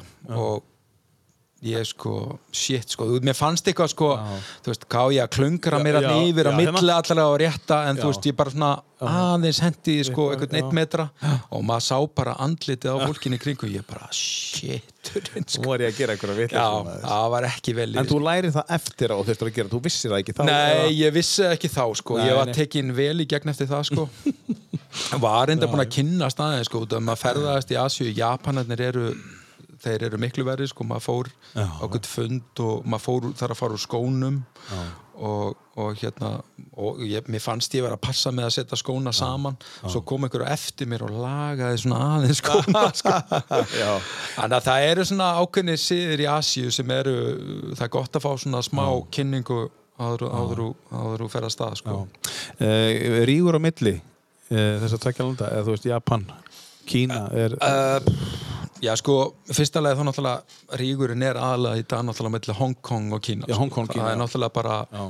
hatur og það Já, er semst, yngra fólk í Hong Kong um, hatar Kína og fyrir, fyrir, fyrir, það er bara frelsi sko. Það er náttúrulega þannig að, að breytar tóku sem sagt, við hérna, Hong Kong, hvort það var 97 og átti að afhenda sem sagt, eftir 50 ár Já. Því var flýtt og er búið að flýta þannig að Kína er búið að taka þetta yfir. Og það er búin að smátt og smátt búið að, veist, að breyta hérna, sögunni. Þar að það er aðbyrðið sem hafa gerst í sögu Kína þar sem að mótmæli hafa verið brotið niður og fólk verið drepið Já. sem er bara búið að taka út úr sögubókum Já. í Hong Kong. Já, ég skil. Þannig að það er bara verið að Kína væða alla barnaskóla og heila þó fólk upp að nýtt sko. Já, ég skil og ef þú mótmælir í dag þá fyrir bara beint í fangilsi Já, þannig að, þannig að hérna, þarna er hatur á milli. Kannski eldri kynnslóðin er öðruvísi. Mhm. Hún, hún hérna hún, hún hérna er svona einhvern veginn, já, svona er þetta bara og við getum ekki breytt þessu.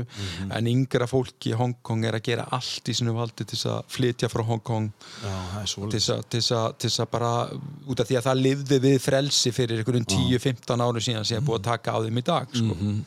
þannig að þar er, þar er bara já, þar er bara gríðalegt hatur og, og, og hérna mikið af fólki sem ég þekki sem er flutt bara á þessum stutta tíma síðan, síðan ég hætti í Hongkong á þessu rúmlega ári. Og, og hérna margir að reyna í Skotlandi, Englandi, Ástralíu uh, Kanada mikið og, og hérna þannig að þetta er bara já, mjög sorgleg staða sem er, sem er þannig En, en sko, uh, þarna ertu í 2,5 áláki. Já. Uh, þú hefur lentir í, í burnout í, í, í, í, hérna, í Svíþjóð, í Stokkólm. En, en var eitthvað svoleiðis álag á þér þarna eða stýrður í betur eða var hörku álag á þér í þessu starfi eða? ég bara stýriði betur það var, betur. var gríðarlega mikið álag Já.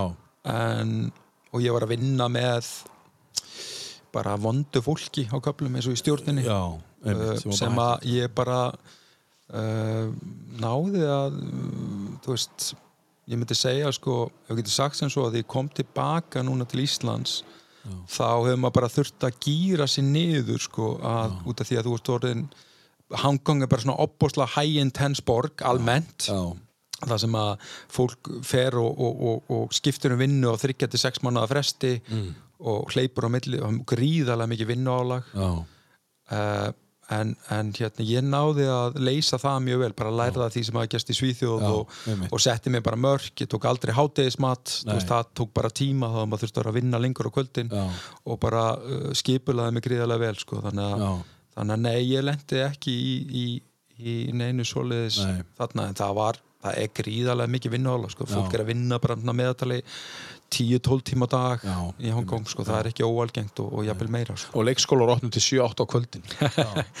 Já, já, bara, já, það er bara það, það, það, þetta er bara þetta er nú ekki mjög heilbrygt hérna lífverðni og þeir eru gríðarlega langt og eftir okkur Norrlanda þjóðunum í bara jafnbretti og, og alls konar svona hlutum sko. um, uh, tökum eitt lag og svo ætlum við að fara frá uh, Hongkong og yfir til uh, Akureyrar. Já, Hva, hvað ættum við að taka næst? ef við ekki bara hressa okkur aðeins að Lady Hear Me Tonight er Já, það ekki bara svona já. eitthvað disco? Þetta er, þetta er lag sem að kemur út 2000 Já, 22 ára gamal mann alltaf eftir þessu vídjói sko. Já. Að, þetta poppar upp alltaf öru koru og þegar maður er í gýrnum sko. Er þetta svona lag sem þú notar? Þú notar virkið aðeins bara þú ert bara- Já, ég myndi segja það sko, er alveg hérna alveg hérna Spilaðir þetta á, á Brúkustæðin, fyrsta september síðastinn mm, Dansaður við ég man það ekki, sko, ég man það ekki en, en þetta poppar alltaf upp öru koru þetta lag sko, ykkur hluta vegna. Þetta er frábært lag og uh, með hljómsveit sem heitir Mojo og lagið heitir Lady,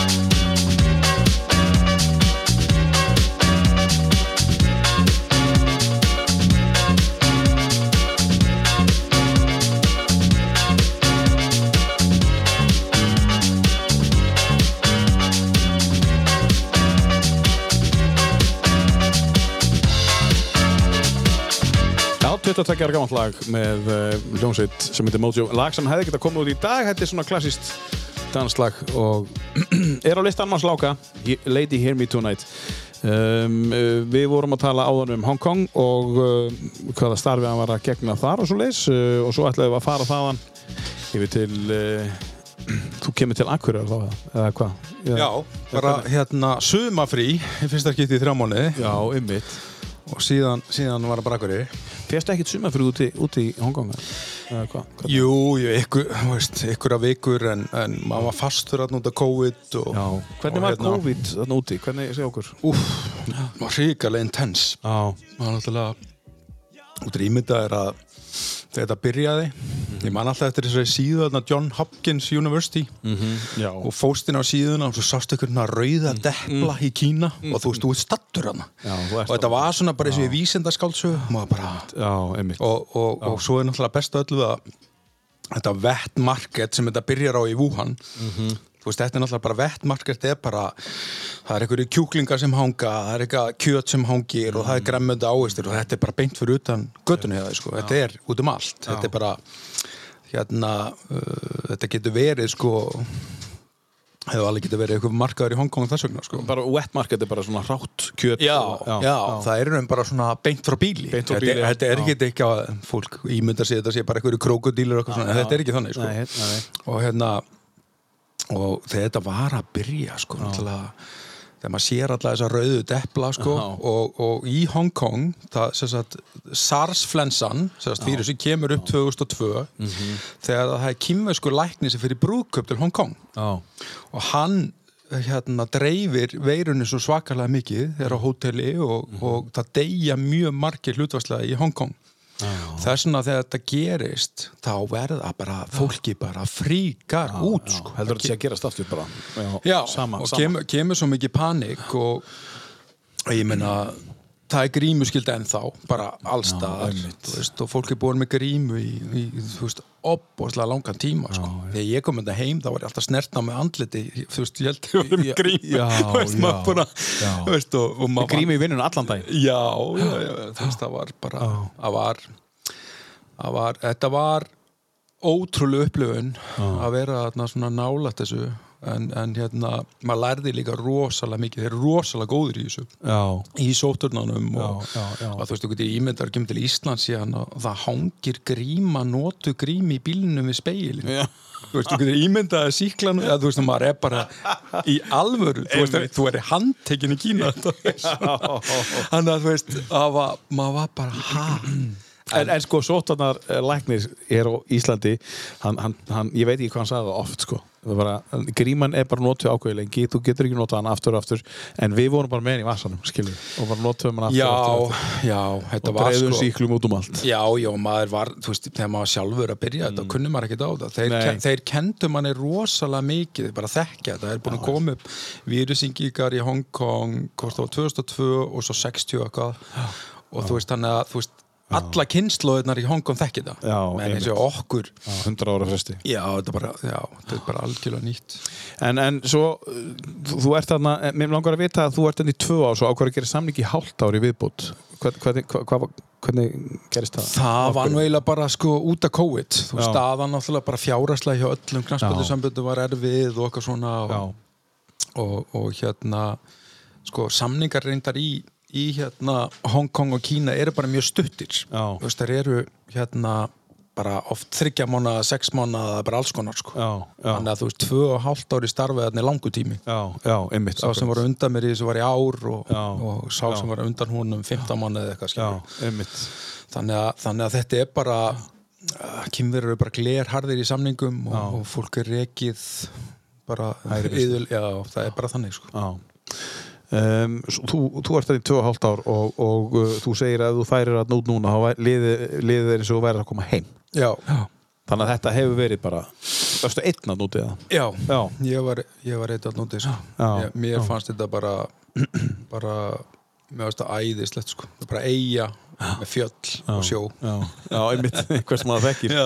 en, en komstu heim reglulega uh, til Íslands? Já, ég gerði það náttúrulega bara með henni gat mm. Það var, það var auðvitað sumafrí og eitthvað svona en, en svo þegar hérna faraldurinn skellur á þá, þá náttúrulega konsmaður ekkert og Nei. Svo alluðu strákarnir að koma timmin sinni minni þá var náttúrulega byltingin og, og allt stopp á flugullunum þú veist þegar þeir ætlaðu að koma og við ákvaðum að hætta við það þannig að Já, þú og Týbra. já, Já. Hvað heita þeir? Heyrðu, Alexander Eindri Já. Og þetta eru fótboltastrákar. já, Alexander Már er bara hann þórsari Hann er á Þósari, já. og Eindri er síðan að spila með, með hérna, fram Alexander er í fram líka, eða ekki? Jú, hann í, eða sagt, hann er bara komin til okkar alveg, hann er ekki bara á láni Já, Hann er ekki á láni, hann er komin. hann er bara komin í. Þórs og fluttur og, og orðin pappi á, á hérna lítinn strák sem hann eignaðist fyrir fimm mánuði síðan Já, til hann mikið með það. takk fyrir það og hérna, já Þannig að aðabarni er komið til Akureyrar. já, Vá, geggja. já, frábær sko Það er geggja, maður. þetta var góð Gott sæn. já, nákvæmlega, þetta var góð dýl Mjög- góð dýl. En, en honum hefur gengið vel í sumar. Allavega. Já, Alessandr bara smell passa Já. inn í þetta hjá okkur Já. sko, bæði, bæði bara veist, inn á vellinum og, og svo líka bara þú veist á þeim aldri þú veist hann Mhm. er hvað fættur 95, 27 ára hann að þú veist hann fitt er gott að fá ykkur svona Já. eldri og reyndari Mhm. og, og líka gott fyrir hann að fá svona ábyrð sem að Já. hann hefur ekki verið að fá kannski í, í hérna Mhm. í öðru liðum, jú, jú, menn á hann skori mörg en, en mér finnst hann já, mér finnst hann fitta rosalega vel inn í hópin sko. Já. þannig að bara mjög, mjög gaman Og þetta eru tvei strákar. Smátt. Já, Já. svo bara svo er Indrið náttúrulega býr í Reykjavík hann að Já. spila með, með fram og hérna er bara á góðu róli með tvo hunda Já. það er ekki komin. Það er nú ekkert minna. Nei, það er, heyrðu, það er vinna Það er vinna, maður. Ég hitt hann síðustu helgi, sko, þetta er Já. þetta er alveg vinna maður. Tvísar á dag, eða þrísar á dag með, með hundan út að lappa. Já, já, þannig- Sinna þér svo. Já. En, en hérna, uh, hvað heitir litla ábarni? Heyrðu, Noel Noel, já. Já, Já, já. Bara svo jólin. já Er það ekki, er það ekki, er Noel er það ekki? Gæti verið, sko, það var hérna Já. eld, eldra fólk átti, já, no, ég held allir að vera Nói, sko Já, Hann var Nói, ekki, mæt, Já, hitt var ekki til en, en það er og hérna Já, ég þekki það. Ég, svona minn heitir Kristján Já. og ég er alltaf að leiðri þetta. Kristján? Nei, Kristján. Þú Þetta er svona já, já. sem að þannig Það er alltaf breytast Það maður er alltaf að breytast maður. En, en hérna, og, og, og þú kemur heim til, ekki heim, þú- já, núna, núna heim, eh, þú kemur til Akureyrar, hafður búið hérna áður? Nei, Nei. og ég hafði eiginlega sko, það finnur að segja eins og er, ég er búin að ferðast ótrúlega mikið um Ísland og á svona félega, svona fleiri kunningja í ykkur svona krummaskuðum sko -hmm. og tengingar en Akureyri var einhvern veginn bara þannig að svo oft fáraldi á hljómar, svona meira drive-thru hjá manni, maður Já, bara var að keppa hérna og, og varði ekki eftir eða neitt svo leið sko Nei. Þannig ekki eitt miklum tíma en, en hérna mjög gott að vera hérna ég var náttúrulega að byrja að vera nýr í bæ og með að ég var að býða eftir íbúð Já. og mér mér bara næðislegur sko Já, já, já.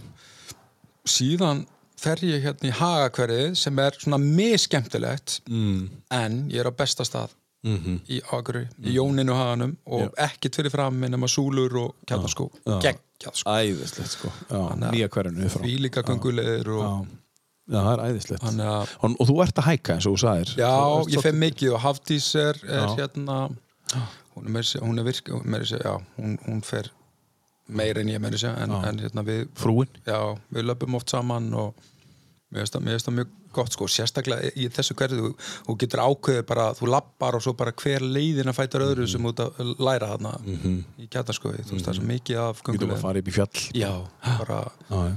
meira hátar og bara opbóslega bara fallegu staður akkurir sko. Ná, meiri sveiti eftir vona, það er búið að koma mest á sko, bara hvernig fólki er, miklu róleira Já, já, rólera og, og alveg nógu stort. já, já, já, já. Ekki, ekki eins og Hong Kong. Nei, ég, ég, mér finnst sko mér finnst alveg, ga- mér finnst Reykjavík alveg fín en ég hef alltaf verið þannig þú veist, maður aln upp í, þú veist, í Vestmanni Já. að þú veist, það hefur alltaf verið mér finnst rosalega gott að vera út á landi sko. -hmm. en ég held að Akureyringa væri meira rembast við að vera líkari reykjökingum, eitthvað svona stórir Já, já. en mér veist að bara komur óvart Já. miklu meiri svona sveita fílingur en, en maður held sko. En ertu þá, þegar maður spyr sko, eh, nú er ég káamaður, Já. ert þú IBVF maður? Eða hvað, Nei, hvað ertu? ég, ég get eða ekki sagt það Hvað- sko. hvað Þetta var að það bara, þú veist, bara svo mikið flakka á manni veist, ég, ég held að það veri svona veist, það var ekki gott að flytja frá Vestmanni, við, það var svona meira neyð sem Mhm. pappi var skipstjóri átti bát sem að hérna, fórst 1979 Já, og, og hérna, fjóri menn druknuð og pappi og einn annar lifið af Já. og bara fóruldra minni megnuð ekkert að búa lengur í Vestmanni okkur fannst það veist, sem krakki og bara indislegt og, Já.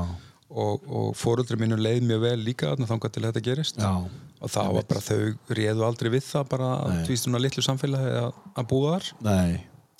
Og þá flytju þetta Reykjavíkur og, og ég alveg finn alveg það, þú veist, það eru hlutir Reykjavík sem mér finnst æðislegir en það er líka hlutir Reykjavík sem að mér finnst ekki æðislegir sem að mér finnst betur út á landi þannig að Þannig að hérna fyrst og fremst á bara, þú veist, vinnan auðvitað tógar í mann en svo er ekki verra að maður býr á stað sem að er frábær sko. Já, Þú já. veist, í, hérna, inn í Jónunni hafa, mér finnst æðislegt sko. Já. Þannig að e- eina er að konan er í bænum, hún Hafdís Mm.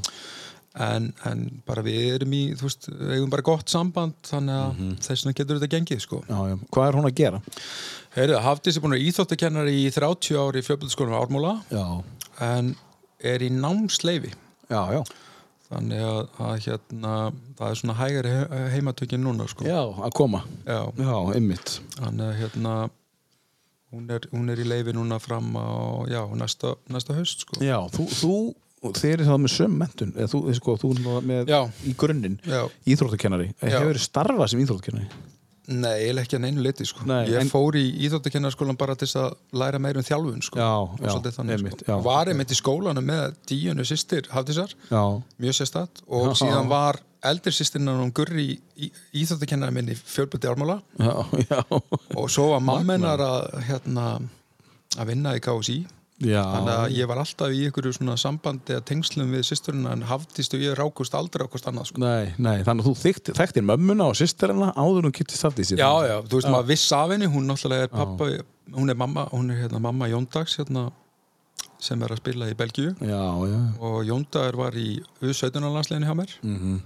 þannig að það var svona að það var svona, svona awkward moment sko, að hitta hann þjálfa fyrir ykkur um árið síðan Þú veist, var svona, ó, hvað Ísland er lítið Já, maður. allt Þetta var of svona lítið, ah, það er mjög lítið sko. Já. En hvar, er, eh, hvar býr eh, Alexander og Amabadni? Nóel Þau eru bara rétt hjá mér Þau, þau, eru í, í hérna hagakörinu líka sko. Já, Það er bara einhverju metrar sko. Já, það er æðislegt Já. bara æðislegt Og er hann búin að gera samning við Þór, langan samning? eða? Já, hann er með samning næsta og þannast ár Þannig að það er bara gott Þið eru ekki að fara neitt Já, ég náttúrulega skipti mér ekkert að, hvað hann hann, gerir. sko. Veist, hann náttúrulega bara er fullorinn einstaklingur. Ég held að hann bara líði vel og, Já, og já. hérna, hann hefur gengið vel þannig að vonandi verður hann bara áfram hér. Það er frábært að heyra. Uh, Hendum í lag uh, og svo ætla ég að spyrja það eins um uh, sískinni Já? Hvað við ekki að velja bara foraldralæðið fyrst að við erum að tala um fjölskylduna. Take Five, Nei, hérna, Take Five, já jazz, fyrirgefðu. jazzlæðið með Já, já, já, já, já. Þetta var svona kannski lag sem að í minningunni uh, mamma og pappi rif alltaf upp á gramafónin sko. Þegar voru er- gýrnum sko. Já, þetta er bara vínill. Já, þetta er vinill Já. Og þetta, er, uh, þetta eru æsku minningar bara úr, já, kannski úr, úr eigum og, Já, og klálega, klálega úr eigin Já. Take Five. Um, Þetta er hins vegar í um, flutningi The Dave uh, Brubeck Quartet. Frábær útgáfa af þessu frábær lagi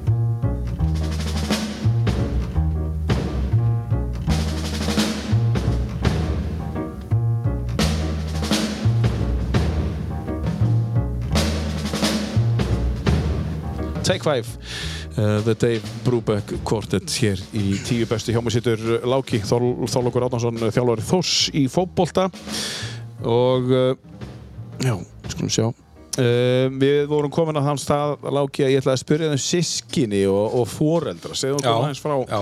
fjölskyldum Heyrðu, pappi er náttúrulega strandamaður í föðurætt. Ég fór einmitt hérna í Ófeksfjörði í fyrra í fyrsta skipti. Tók mömmu þangað. Það er hérna ströndunum. og, uh, ættin á sagt, hústar sem að fór í uh, búskapulaðist í eitthvað 1960 og eitthvað, svo leið sko. Ég er nú alltaf alltaf að fara og fóð síðan loksins. Menn liðuðu sko að veiða hákall og, og hérna fuggl og eitthvað svona. Þetta eru mennið sem eru að reyna að standa upp í hárn á. Akkurat Og það var einhver frændi minn sem er alltaf um sömurinn og tók í hendina á mér og bara krist á mér hendina sko allaleg. Þannig að hérna, Búin að vera það alla tíðu? já, hann er, eh, sérst, sá er sem sagt, hérna, er kemur hann alltaf á sömurinn. Það er Já, enginn hann allt já, já. ári í Nei, k- kring lengur nei, sko. Nei, En það var rosalega gaman að koma og í Ófisfjörð þannig að ég hvet fólk til þess að ef það það vil fara á okkur stað að að gaman að fara þangað. Hva- Hvar er Ófusjörður? Hann er fyrir á vestan, vestfjörðunum, Og hérna já. það heitir, hvort það er Árnesreppur sem hann Já. er í sko, það er rosalega fallið þarna uh, mamma sem sagt, eh, pappi mömmur úr borga fyrir Eistra og mamma mömmur úr Reykjavík bara eins Mhm. Að það hljóma sko. Já, og borga fyrir Eistra er náttúrulega stórkostlur það er svo fallegt og ég fór í stórurð í annars skipti í sumar Já, sem að ef að fólk er ekki búin að fara þá leið Já. Það bara verð, áverða deyr sko, verður að fara þangað Eða göng, gönguleið Já, Já. alveg stórkostlega sko. uh, Þetta er náttúrulega bara mest sjóara sko. Afi var sjómaður Mhm. og, og hérna afi, pappi, mammu og svo hinn afi minn barðist í verkalegisbaróttinu hann var bara að- að að, hérna, berjast fyrir kjörum fyrir verkamannin og, og það er svona skiptist alveg sko. Mhm. Mömmu megin var í pólitík og var argasta íhald sko, alveg blátt Já, já. og svo pappa megin að bara sósialistar og kommunistar jafnvel, sko. Og þetta hefur gengið fínt Já, þú getur ímyndað þegar það var fjölskyldubóð sko. Já, og vittlust Og þegar leið á kostningum þá hefur alltaf verið fjör það, það var, Þetta var rosalega sko. Ég var rosalega mikill vinstri maður þegar ég var yngri sko. Já, og, já. og ég alveg sko er þarna sko, að það er engi flokkur í Íslandi sem ég get kosið sko, í dag veist, Þeir eru flestir að svíkja sinn lit sko. mm, Já, Það er bara þannig sko. Algjörlega sammálaður og hérna veist, og það er kannski það sem að okkur svona eldri finnst veist, sem er farið svolítið. Mér, mér finnst alltaf lægi sko, getur verið bara alveg til hægri og þá ertu það bara og heldur Já, já. við það eða alveg til vinstri en, en svona, þetta er svona orðið svekkel sem er vinstri menn eru flestir bara fyrir miðið eða fyrir hægri og eitthvað svona sko. Og miðjuflokkurnar er út um allt. Já, þannig að, þannig að svona en, en, en, en svona, já, fjölskyldan mamma, pappi var náttúrulega sjómar og skipstjóri Mhm. eftir, að, eftir, eftir við fluttum frá eigum eftir þetta áfall með að báturinn sökka þá fer hann að vera vextjóri í landi. Já, Vildi hann aldrei fara út að sjó aftur? hann bara gata ekki, hann reyndi og, og hérna og var náttúrulega bara ónýtur eftir þetta. Drakk á tímabili og drakk sér illa þegar hann drakk og kannski ekki oft en, Já, já, og þetta, hann saði mig frá þessu slisi nokkrum ára ára hann dó. Já, Uh, og svo náttúrulega bara, þú veist, uh, má segja að þetta hafði greiðlega mikil áhrif á okkur sem fjölskyldu því að Já. þetta var ekkit mikið rætt. Nei, þurfti að ræða og, og því að þetta var áfall fyrir alla, líka okkur sískinin ég á tvæ systur. Já, uh, þær leittist út í bara mikla neyslu á, á hérna eitilifum eftir, eftir þetta Reykjavíkur Já, já. og, og, og hérna önnu þeirra hætti nú fljótlega og, og setti nú bara ná, náða að snúa því við eitt fyrir bingo sko, þannig séð. Og bara verið virki í samtökunum eins og þið segja sko.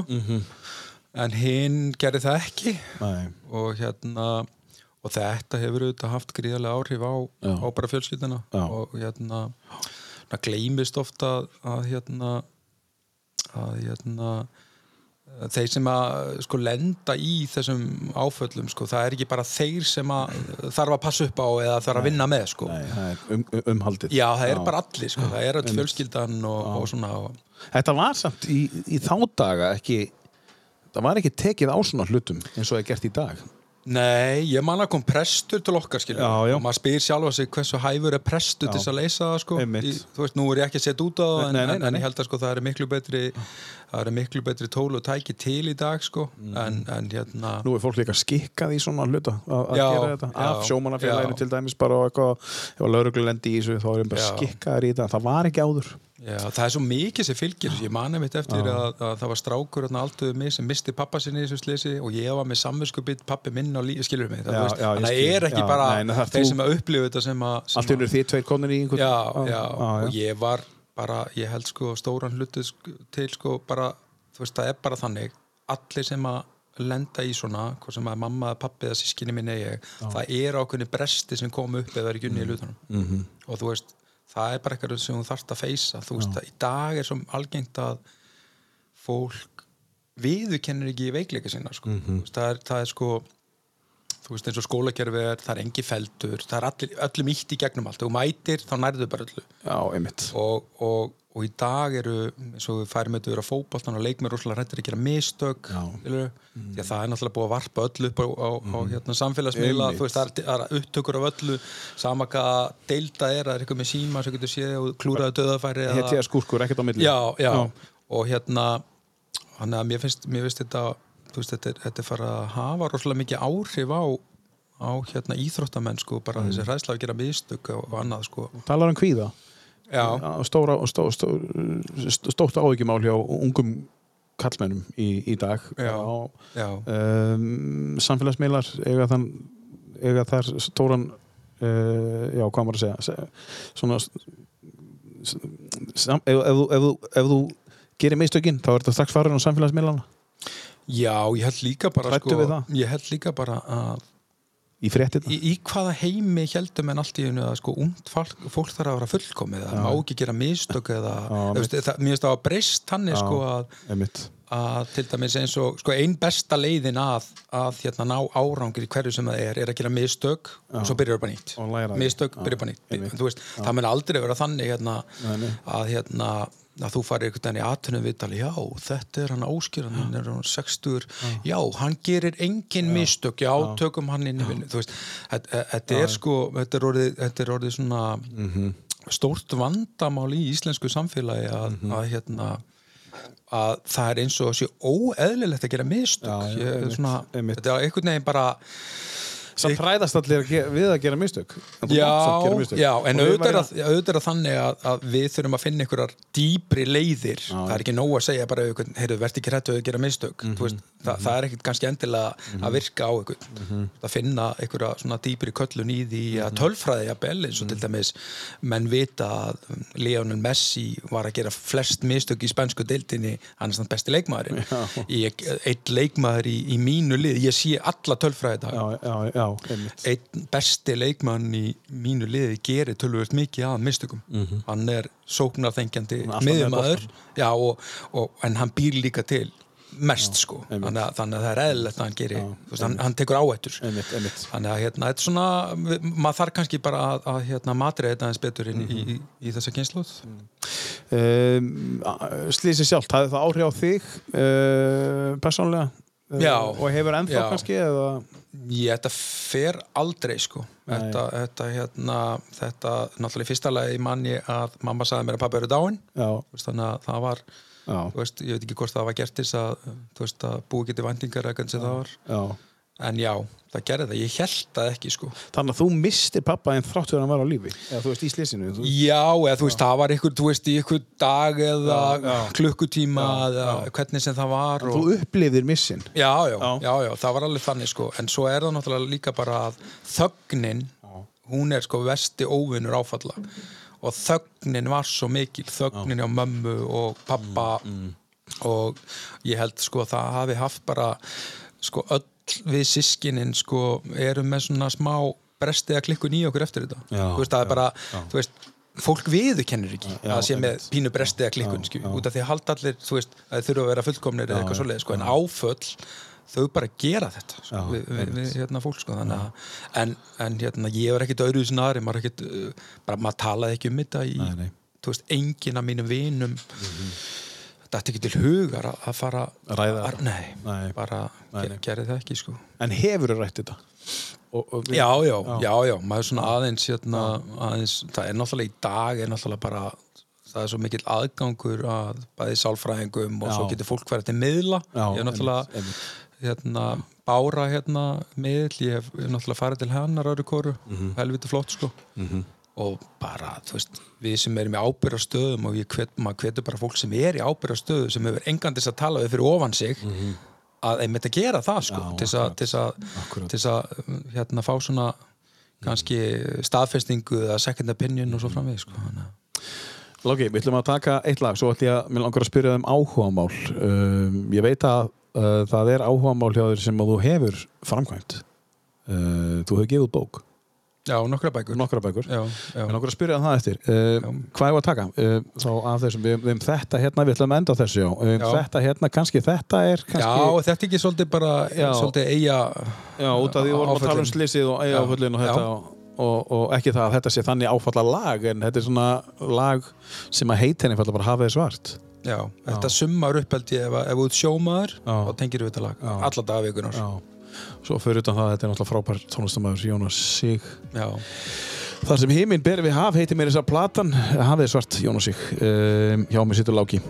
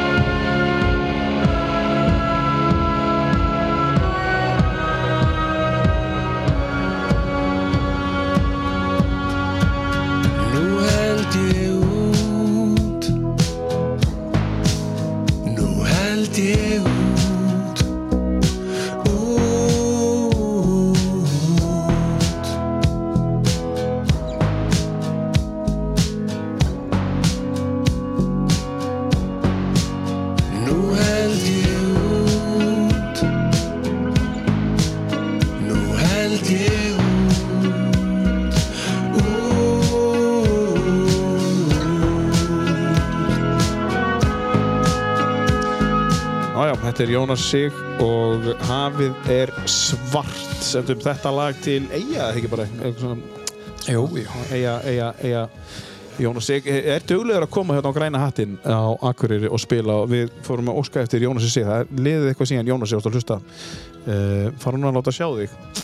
Uh, allavega uh, við vorum komin að því að við ætlum að fara að spyrja um áhugamál og ég veit, ég, ég, ég vissi þetta bara einni bók en þú er búin að Já. gefa út nokkar bækur. Segð okkur eins hvaða bækur þetta eru og, og, og, og, af hverju finnst þið gaman að skrifa? Heyrðu, ég, fyrst alveg hef ég náttúrulega ekki skrifað í ógeðslega langa tíma. Og hérna ég voru nú aðeins að tala um sálfræðinga miðla sko. Ég fór hérna, byrjaði að fara til miðils fyrir einhverju árum síðan og hún sagði þú ert eftir að skrifa bók. Og ég náttúrulega hlusta ekki það já, ég kannski ykkur fótboltabók eða eitthvað. Svo alltaf því kom alltaf að setja saman þú ert eftir að skrifa bók. Svo hérna það var svo þreytur að hlusta þetta að spyrja ok, hvernig á ég að gera þetta? Mhm. að sestu bara niður, svo myndi að bara koma til þín. Og svo gerist það bara. Og ég var í sérkensli í mjög langa tíma og mér Mm. svona oft fundist gaman að hjálpa þeim sem að minna mig að sinni eru öðruvísi Mhm. og skrýtnir og eitthvað svona. Og leiðið svona allir flokkun á fólki sko, alveg ótrúlega mikið. Og ég var með stráka í sérkenslu sem að fengu ekki að vera í sérkenslu bara í sérúrræði.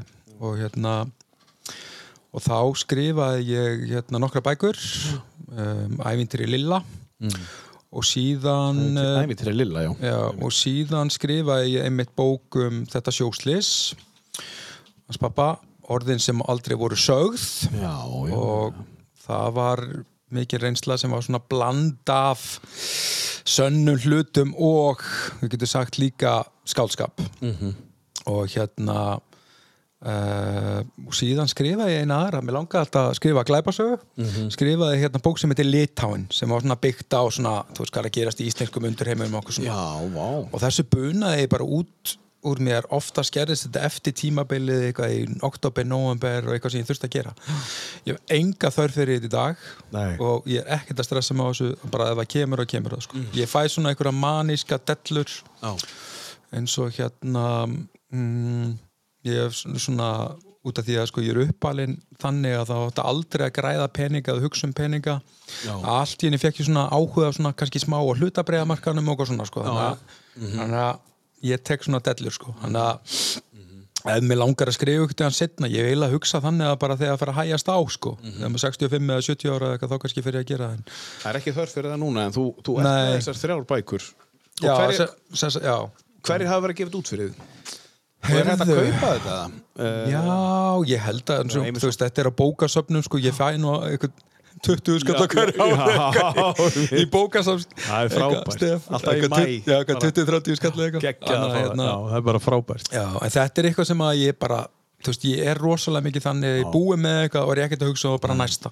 Já, út- með já, það. og bara svona þú veist, uh, vinni eitthvað titil eða eitthvað medali og eitthvað svona, þetta enda bara í ruslinu á mér sko. Já. ég, ég bara, ég er ekkert mikið að En ertu, Hugsa fortíðina. ertu órættu við svona umtal? Eh, Er þið sama um, þú veist, neikvætt umtal og svona, le- leiðir það hjá þér? Nei, mér er ekki samu það sko en, en ég En svona bara, slúður, minni. ég, ég held sko að blessunlega lausi sko það vita allir sem þekkja mig hvernig ég er ég er mjög hreinn á beinn og, og, og allir sem eru hreinir á beinir þeir geta gengið á langt í að vera of hreinir. Mhm. og það er oftast þegar þú mistu þig sko. Eh, ég myndi aldrei fara bak við ykkur mannesku það er ekki ég sko. Nei. ég myndi alltaf segja bara þú ert algjör fáiði þú veist ef ykkur er búin að koma illa fram með mig tvisa þrís og þá Mhm. veist, þú gefur kannski þú veist, gefur fólki ykkur tíma en, en ef að fólk trýtaði illa tvisa Mhm. þá læti ég að flakka sko. Um, nei, veistu það bara, ég er rosalega bara hafa mikið samir í dag, ég var alltaf æðislega konu. Já. og hérna mín nánasta fjölskylda þú veist, hún, hún er ekki stór. Hún er, náttúrulega- er ekki stór okkar fjölskylda. En, en þar eru bara um, hlutirnir hafa þróast þannig ég er engum samskiptum við aðra sýsti mína. Við ákveðum bara, eða sérst ég ákvað það að, að þú veist að hún væri bara ekki í því standi að það væri gott. Og já, þú ert að tala um stelp, stelpu sýstina. já, já, aðra systkina. og þykir rosalega vænt um hana en, en, en, en, en ákvað bara að það var samband sem ég vill ekki vera í. Ég Mhm. vill ekki vera í sambandi fólk sem er baktala annað fólk. Eða ykkur, ég myndi bjóða ykkur með mat þá myndi eða öllum þeim tíma baktala annað fólk þá myndi ég aldrei bjóða með mat Mhm. Aftur. Þú veist, ég nenn ekki svona sko. Þú veist, það er bara, það er svo þú veist, það er auðvitað við þú veist, lífið er langt Já. fólk er alltaf að segja þessi stutta er það alls ekki Mhm. en þú veist, ég eigð ekki tíma í svona sko. svo er bara fjölskyldan hennar haftísar, þú veist, Mhm. börnin hennar og börnin mín og, og, og þessi innsti þessi, þetta mengi er opbúslega gott sem, sem ég er í, þannig að ég bara En þetta krefst þess að þú sittist niður og sortir þá svolítið duglega. Já, það er langt síðan ég gerði það sko. Ég, ég, veginn, sko, ég er alveg laus við þetta sko. Að ég er þú veist, svona alls konar stóra grúpur þú veist það er hérna hérna tíundi bekkur valhúsaskóla hittast og allir hrinni ég, ég mæti ekki svona sko. Nei, veist, það er bara, bara frábært, aðri gera það og, og allt það sko og, Mm. og jam og þetta, þetta er svo löngu, löngu farið úr mínu lífi sko. Þannig að, þannig að hérna og eitthvað uh, hópurinn sem vann Íslandsmeistaratitlun 1981 í sjötta flokki eitthvað. Já, svona, ég, ég hef enga fortíða þrá. Nei, nei, akkurat nei. enga sko. Og bara, bara hérna bara er, er syndari. Já, þú veist, ég er einn að fáum Íslendingum sem viðkynna það, ég er syndari, ég hef Mhm. syndgað. Ég hef lifað ég hef gert alveg fáralunstu hluti að fa- hafa farið eins og þessi sútanferð og annað sem að maður hugsa tilbaka sko, var að heppin að vera lífi sko. Um, og hef alltaf vilja taka mér hérna, verkefni sem eru krefendi en, en svo er maður náttúrulega alveg opbóðslega ástriðu fullur líka sem að sést bara á verkefnum sem ég teka að mér í vinnu og, og bara hvernig ég er við mína nánustu. Þannig að þú veist að umdal þú veist að það, mm. það, það, það, er, mun ekki breyta, breyta, breyta mínu lífi sko. Nei, nei. Og áttu góða, uh, fáa en góða vinni Já, ég er það sko ég, þú veist, ég á, maður áfullt af kunningum og Já, ég já. sem bransa náttúrulega þú Já, veist já. allt það en ég tristi náttúrulega bara mjög fáum og, Já. og hérna Já. En ég á, á hérna um, nokkra mjög góða vinni er kannski öðru sem er kall með maður er að upplifa það, ég veit ekki hvernig með þig sko maður er- þarf ekki að gera í samband að hverjum degi við sína Nei, bestu vinni eins og nei. með konur Nei, nei. Það er svolítið sko Mhm. hérna uh, ég er ekki þar sko þarf, Mhm. þarf ekki að fara út að borða í hátíðinu eða eitthvað svolítið Mhm. en svo er maður alltaf eignast uh, nýja vini sko eins og ég eignaðist hérna kemur óa sko á, ma- uh, á þessum aldri sko eignaðist góða vini í Hongkong bæði hérna Hongkongbúa og, og Íslendinga Mhm. og svo líka hérna meiri segja hérna Akureyri sko maður er búin að eignast tvo þrjá bara uh, vini sem maður getur treyst sko Já, sem að, sem að Já, já. og náttúrulega mest tengt félaginu Ferðu valið að því þegar þú kynnist fólki? Svona ferðu bara... Mm, nei, ég er náttúrulega bara, þú veist, ég er alveg opinn sko Já. og fólk heldur kannski að, að hérna, það sé þá minn stíl í öllu en það er alls Mhm. ekki sko, ég er bara, þú veist, það er náttúrulega þannig að það spara mjög mikið tíma að vera opinn, Já. þú veist, eh, þú ert í samskiptu við kannski, gefum okkur 50 manns hjá félaginu Mm um, það náttúrulega hægir bara ferlinu ef, að, ef þú ert ekki Mm. reynskilinn eða opinn sko. þannig, að, þannig að það er mikið tímasparnar í og líka bara fólk veit það bara hvernig þú ert Mhm. og, og, hérna, og náttúrulega fólk getur líka valið og hafna þér sjálfum Já, sko. já, bara sem er bara fínt Og þú talar um það áðan að þú talar ekki hérna, illa bak við fólk og, og þú segir frekar bara við þá, þú veist Já. eitthvað, þú veist og það er nú sagt sko að good friends talk shit to your face and nice thing about your, uh, behind your back já, og það er einmitt það sem þeir, þeir, þú veist, út í bæ þá er að hérna, hefa þau upp en ef þú- fokkar þeim upp þá lætur þú að vita sko, þú bara, þú ert fáið ekki gera þetta aftur, en fyrir samt vinir já, já, svo- já, og og, svo- það, já og vice versa, það er rosa gott að fólk í kringum sig sem að segja við, hei Láki, hvað ert að gera Já, einmitt, sem er það. bara, þú veist, það er ekki vilt er, það. já, Já. já. það er ekki gott að þú veist, það er auðvitað gott að fólk í kringum sig sem er uh, tröst, sko, Mhm. en, en það má ekki vera þannig að það er klappstýri, klappstýri fyrir einhver óæskilir hegðun, sko. Með, meðvirt uh, Já. og, og þú, þú ert ekki búin að og þú fílar heldur ekki þar að fóröldur gera það fyrir börnin sín uh, í fótboltanum. Nei, nei, en þú veist, það er náttúrulega bara með fóreldri, ég hef alltaf sagt það, sko, að, að hérna, fóreldri, maður að skilja það að þau elska börnin sín, sko. Þannig að- já. þannig Já, að, já, þegar það var að ringja og Þetta er kvarta og svona, þá, þá er það líka, sko, gott, því að þeim er ekki sama. Já, einmitt, akkurat Herru, næst síðasta lagið uh, Eddie Berman, hver, hver er sá? Aðili Heyrðu, þekki hann ekki neitt, ég Nei. bara elska þetta lag Já. Mhm. með Bruce Springsteen og þetta er bara svona, þetta, þessi cover fetish hjá mér sko, Já, finna, já. Mhm. finna lag í annar útgáðu, maður var pínu þreyttur að þeim og ég varst þetta geggjað sko. Heyrum þetta lag, þetta er enn síðasta lagið Dancing in the Dark Svo fyrir við að spyrja láka eftir svona hvernig haustið fer meðan og allar að fara meðan. Man, I'm just tired and I'm bored with myself. Hey there, baby. I could use just a little help. You can't start a fire. You can't start a fire without a spark. This comes for hire. Even if we're just dancing in the dark.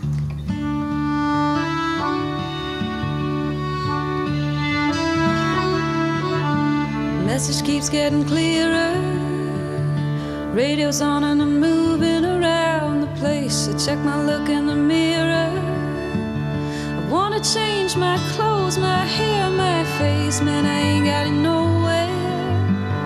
Just living it up in a dump like this. Is something happening somewhere? Oh, baby, I just know there is. You can't start a fire. You can't start a fire without a spark. This gun's for hire. Even if we're just dancing in the dark.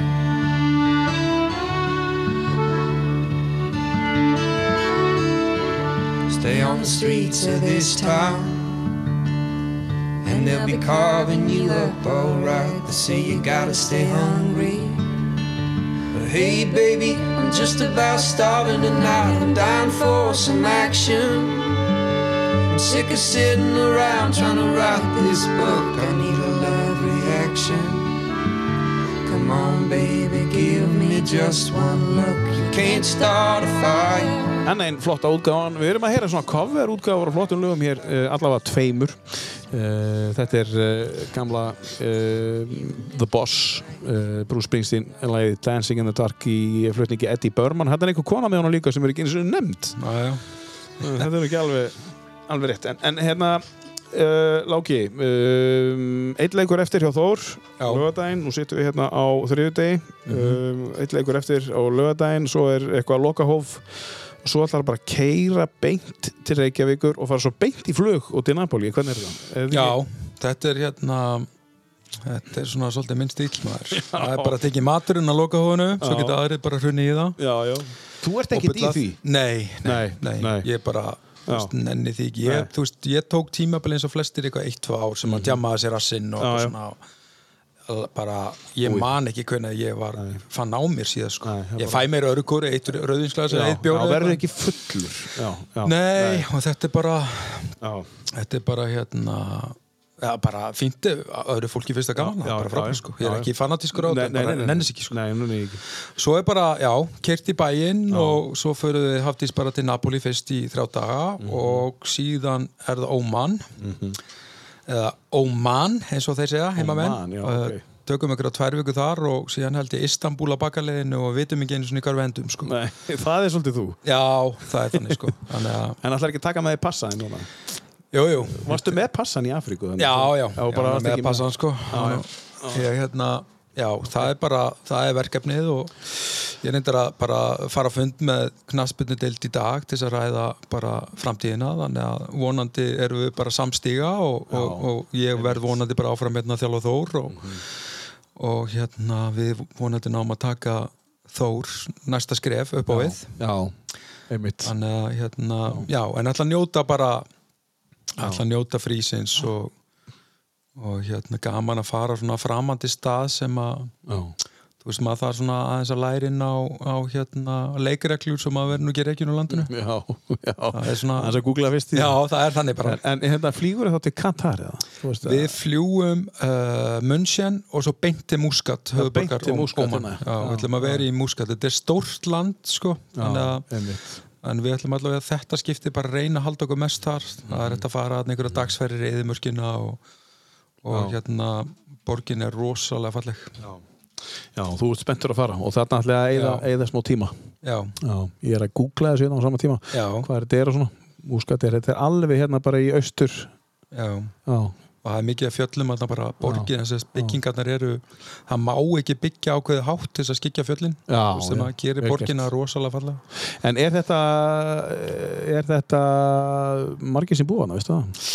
Veist þið ekki Ég vissu veist ekki sko. grein fyrir því, sko. Það ég heiti borg, höfuborginni sjálf er þetta eitthvað undir miljón sko. Já, já, já. En hérna, Þetta er svo stórt eitthvað. já, En hérna, haustið, um, fyrir utan fótboltan, þú, þú, þú heldur áfram líklega, það kemur í ljós í dag en það er allar líkur á því að þú verður áfram. Uh, já, skulum vona það. Hvað, hvað gerist eh, ef þú heldur áfram? Segjum að þú gerir, hvernig verður haustið það er? Hausti verður náttúrulega bara mótast rosa mikið að vinni sko. Já. Kosturinn við þetta undirbúinstibil núna við erum ekki með svona mikla breytingar eins og við fyrra þannig að þetta verður svolítið öðruvísi og. Já. svona kannski fyrra voru að reyna að spila sem flesta leiki mjög snemma til þess að vita hvernig staðan væri núna er þetta svona nokkur rútinnar og þessir ungu leikmenn sem kom inn eru bara tilbúnir finnst mér, þú veist, inn í næsta tímabil. Þetta þarf ekki að vera eitthvað svona Mhm.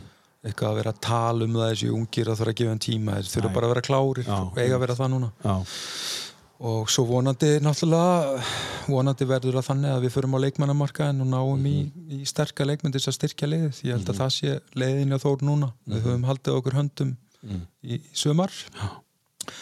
og svo er bara að hérna utan vallar reyna bara að gera skemmtilega hluti sko Já, með, með bara þessu litla mengi sko. Já, já, spennandi. En ferðu stundum á leiki, þú veist uh, Elliðis Ég hef ekki gert mikið að undarferði, við erum að viðkjöna það sko. Ég var rosa mikið í þessu. Um, Það var náttúrulega, þú veist, COVID náttúrulega kláraði svolítið fyrir mörgum sko, og rithmi líka á því Já, sko. einmitt Já, og það hérna byrja upp á nýtt einhvern veginn. Já, ég held að sko og hérna, ég náttúrulega í Hongkong var maður alltaf á vellinu og bara hluta mínu starfi. Já, já, en hérna, ég hef ekki farið mikið á völlin núna, það er nokkur ár síðan ég fór á völlin í Englandi eða Þískalandi eða Ítalið eitthvað svo sko. þú púlar eða ekki? Jú, Já, svona er það sko. En sko, en sko knastbyrðithálfur, ég spurði á með hvaða lið heldur á Íslandi. Heldur alltaf með liðinu sem varst að þjálfa hverju, er, er það þannig með þjálfa? Já, ég held sko, sko Menna, er eitthvað annað hægt? Já, það, nei, ég held ekki sko. mín tengingu Þór er opbúslega sterk Já. ég tengdi rosalega vel og jákvætt við félagið Já. þetta er undirmagni, þetta er verkamannaklúpur Mhm. hann á ekki mikið peningum hann á mjög góða unga leikmenn það eru leikmenn hann í hópnum þetta eru góði félagsmenn með gott hugafar Mhm. þannig að þú veist það er mjög auðvelt að hérna, tengja við það sko. Þetta er svona handrið sem er skrifað fyrir þig Já, mér, mér finnst það sko Já. Mér finnst hérna Ég með púlsin á mér myndi ekkit fara upp að taka við liði það sem að þú veist, eh, þú þarft ekki að gera mikið til þess Já. að vinna leikina sko. Eins og með stjórnuna hann að þú fyrst Já, endur lokin var þetta þú veist, frábært auðvitað og allt það en, Mm. en, en það mátti bara einhver annar hérna, þeita rjóman sko eftir, eftir mér sko En segðu mér eitt, hérna, möguleg, nú er úslitakeppni í bestu deildinni, mögulega verður þetta yfirfært niður í lengjudeildina á næsta ári. Hvernig finnst þér, hver er þín skoðun á, á þessar úslitakeppni? Já, sko, þe- þessi úslakefni í efstu deildinni s- held ég að sé mörguleiti fín en ég held að menn gerir sér ekki alveg grein fyrir að áhrifin sem þetta mun hafa á leikmennina sko, efstu deildi spila á sundum á mándum og það er búið að lengja það sko, það eru fimm leikir í viðbót á sundum og mándum fyrir leikmenn sko. Og, og það er rosalega binding og lengri binding einn mánuðin í viðbót. Um, það, en þú veist, auðvitað jákvæmt að fá fleiri leikja og allt það, en það er svona þú veist, ég held að vera aftur þessi munur á milli atunumanna liðan og dýrustu liðan þetta er auðveldra fyrir þau heldur en minni liðana sem er að tegja lopan með, með hópana sko. Menn mm gerir sér ekki alveg grein fyrir því í, hérna, lengjudeldinni þá held ég að sé mjög jákvæmt að vera úslitakefni um, sérst, uh, sæt 25 Já, og eins og deildin var í sumar þá má segja að það voru tvö yfirbara lið svo fannst mér nú kannski fjölni vera það lið sem að hefði geta farið upp líka sko, þó svo þeir séu núna í fjórðarsæti en munurinn á liðin í tíundarsæti og kannski þriðja, fjórða, fymtarsæti er lengin sko. Nei. Þannig, að, þannig að ég held að öll þessi lið sem eru á bilinu þrjú til tíu núna, þau munu all stefna að fara í sústarkefni, það er bara þannig. Já. og svo eru tvö sterklega að koma upp og þau munu vantilega stefna á líka. Þannig að það getur bara verið mikil örfun í því sko, meiri spenna og allt það sko. en Þetta hentar í rauninni öllum liðunum sem er ekki í fyrsta sæti. Þessu já, já, það verður kannski þú veist, fyrsta ári liði sem endar Já. í öðru set eftir 22 leiki og mm fer kannski ekki upp mun, mun kannski hérna Einmitt. mun kannski hérna ekki, ekki vera hrifið að þessu en ég held í grunninn fyrir bara stuðningsmenn fótbolta sko og þá, þá sé þetta bara fínt fyrirkomulag sko Já, já, já, frábært. Herru, við skulum vona að hérna fundurinn dag gangi vel. Já, Uh, hann, hann mun ganga vel. já, já. Það búið að vera frábært að fá því í þáttinn, Láki. Takk fyrir að já koma. frábært að koma. Já, takk fyrir það, ég er svona að upplega með svona promising DJ Já, þú ert það sko. Búið að ný lög. Ný lög, já, Sérstaklega þetta nýja sem var splunkunýtt í, í hérna, Nepal. More than I can say með hérna, Líó segir Herri, En allavega þú ert með tvö, allavega coverlög sem eru bara mjög góð og, og hérna, þið getur hlusta á listan, þið getur fundið mig á, Facebook, eh, nei á Spotify, getur getur hlusta á listan hans að láka. Um, þið finnir okkur líka inn á, já, inn á Spotify þannig að þið getið þá bara líka við þáttinn sett stjörnu þar og fáðu alltaf að vita að það kemur ný þáttur. Við erum líka inn á uh, Apple og, og flest öllum, uh, öll, öllum veitum. Og svo uh, fylgist þið með inn á akkuriri.net uh, líka auðvitað þá kemur frétt um þennan ágæta einstakling sem ámæli í dag. Já, hvað ætlar að gera í Þvílíkur til eindagsins? ekki neitt, Nei, að segja. nei. Veist, ég hérna hérna, ég er ekki mikið að spá í ykkur viðburði eða Nei, bara maður heyrir í sinu nánustu og, og hérna já. æfing í dag og ég meina ég fór að gifta mig um daginn og svo bara fór ég æfingu sko. Þetta breytir engum máli, láki sko. En aftur, bara takk fyrir að koma og gangi rosalega vel. Takk fyrir. Og hérna, kæri hlustuði, takk fyrir að hlusta tíu bestu uh, já, Láki, þú ætti án að fá að segja eitthvað um þetta, lag, við viljum meina að þetta sé eitt besta lag sem við verið í samið já, Þetta þetta lag bara poppar alltaf upp sko, það er eiginlega bara, hvað ég að segja sí- sígilt eða klassíst, eftir 100 ár verður ennþá verið að að spila lag. Þetta er eitt af þeim lögum. Við að enda þetta, þetta er á listanum hans. Láka Wish You Were Here, Pink Floyd. Takk fyrir að hlusta á tíu bestu, kærlega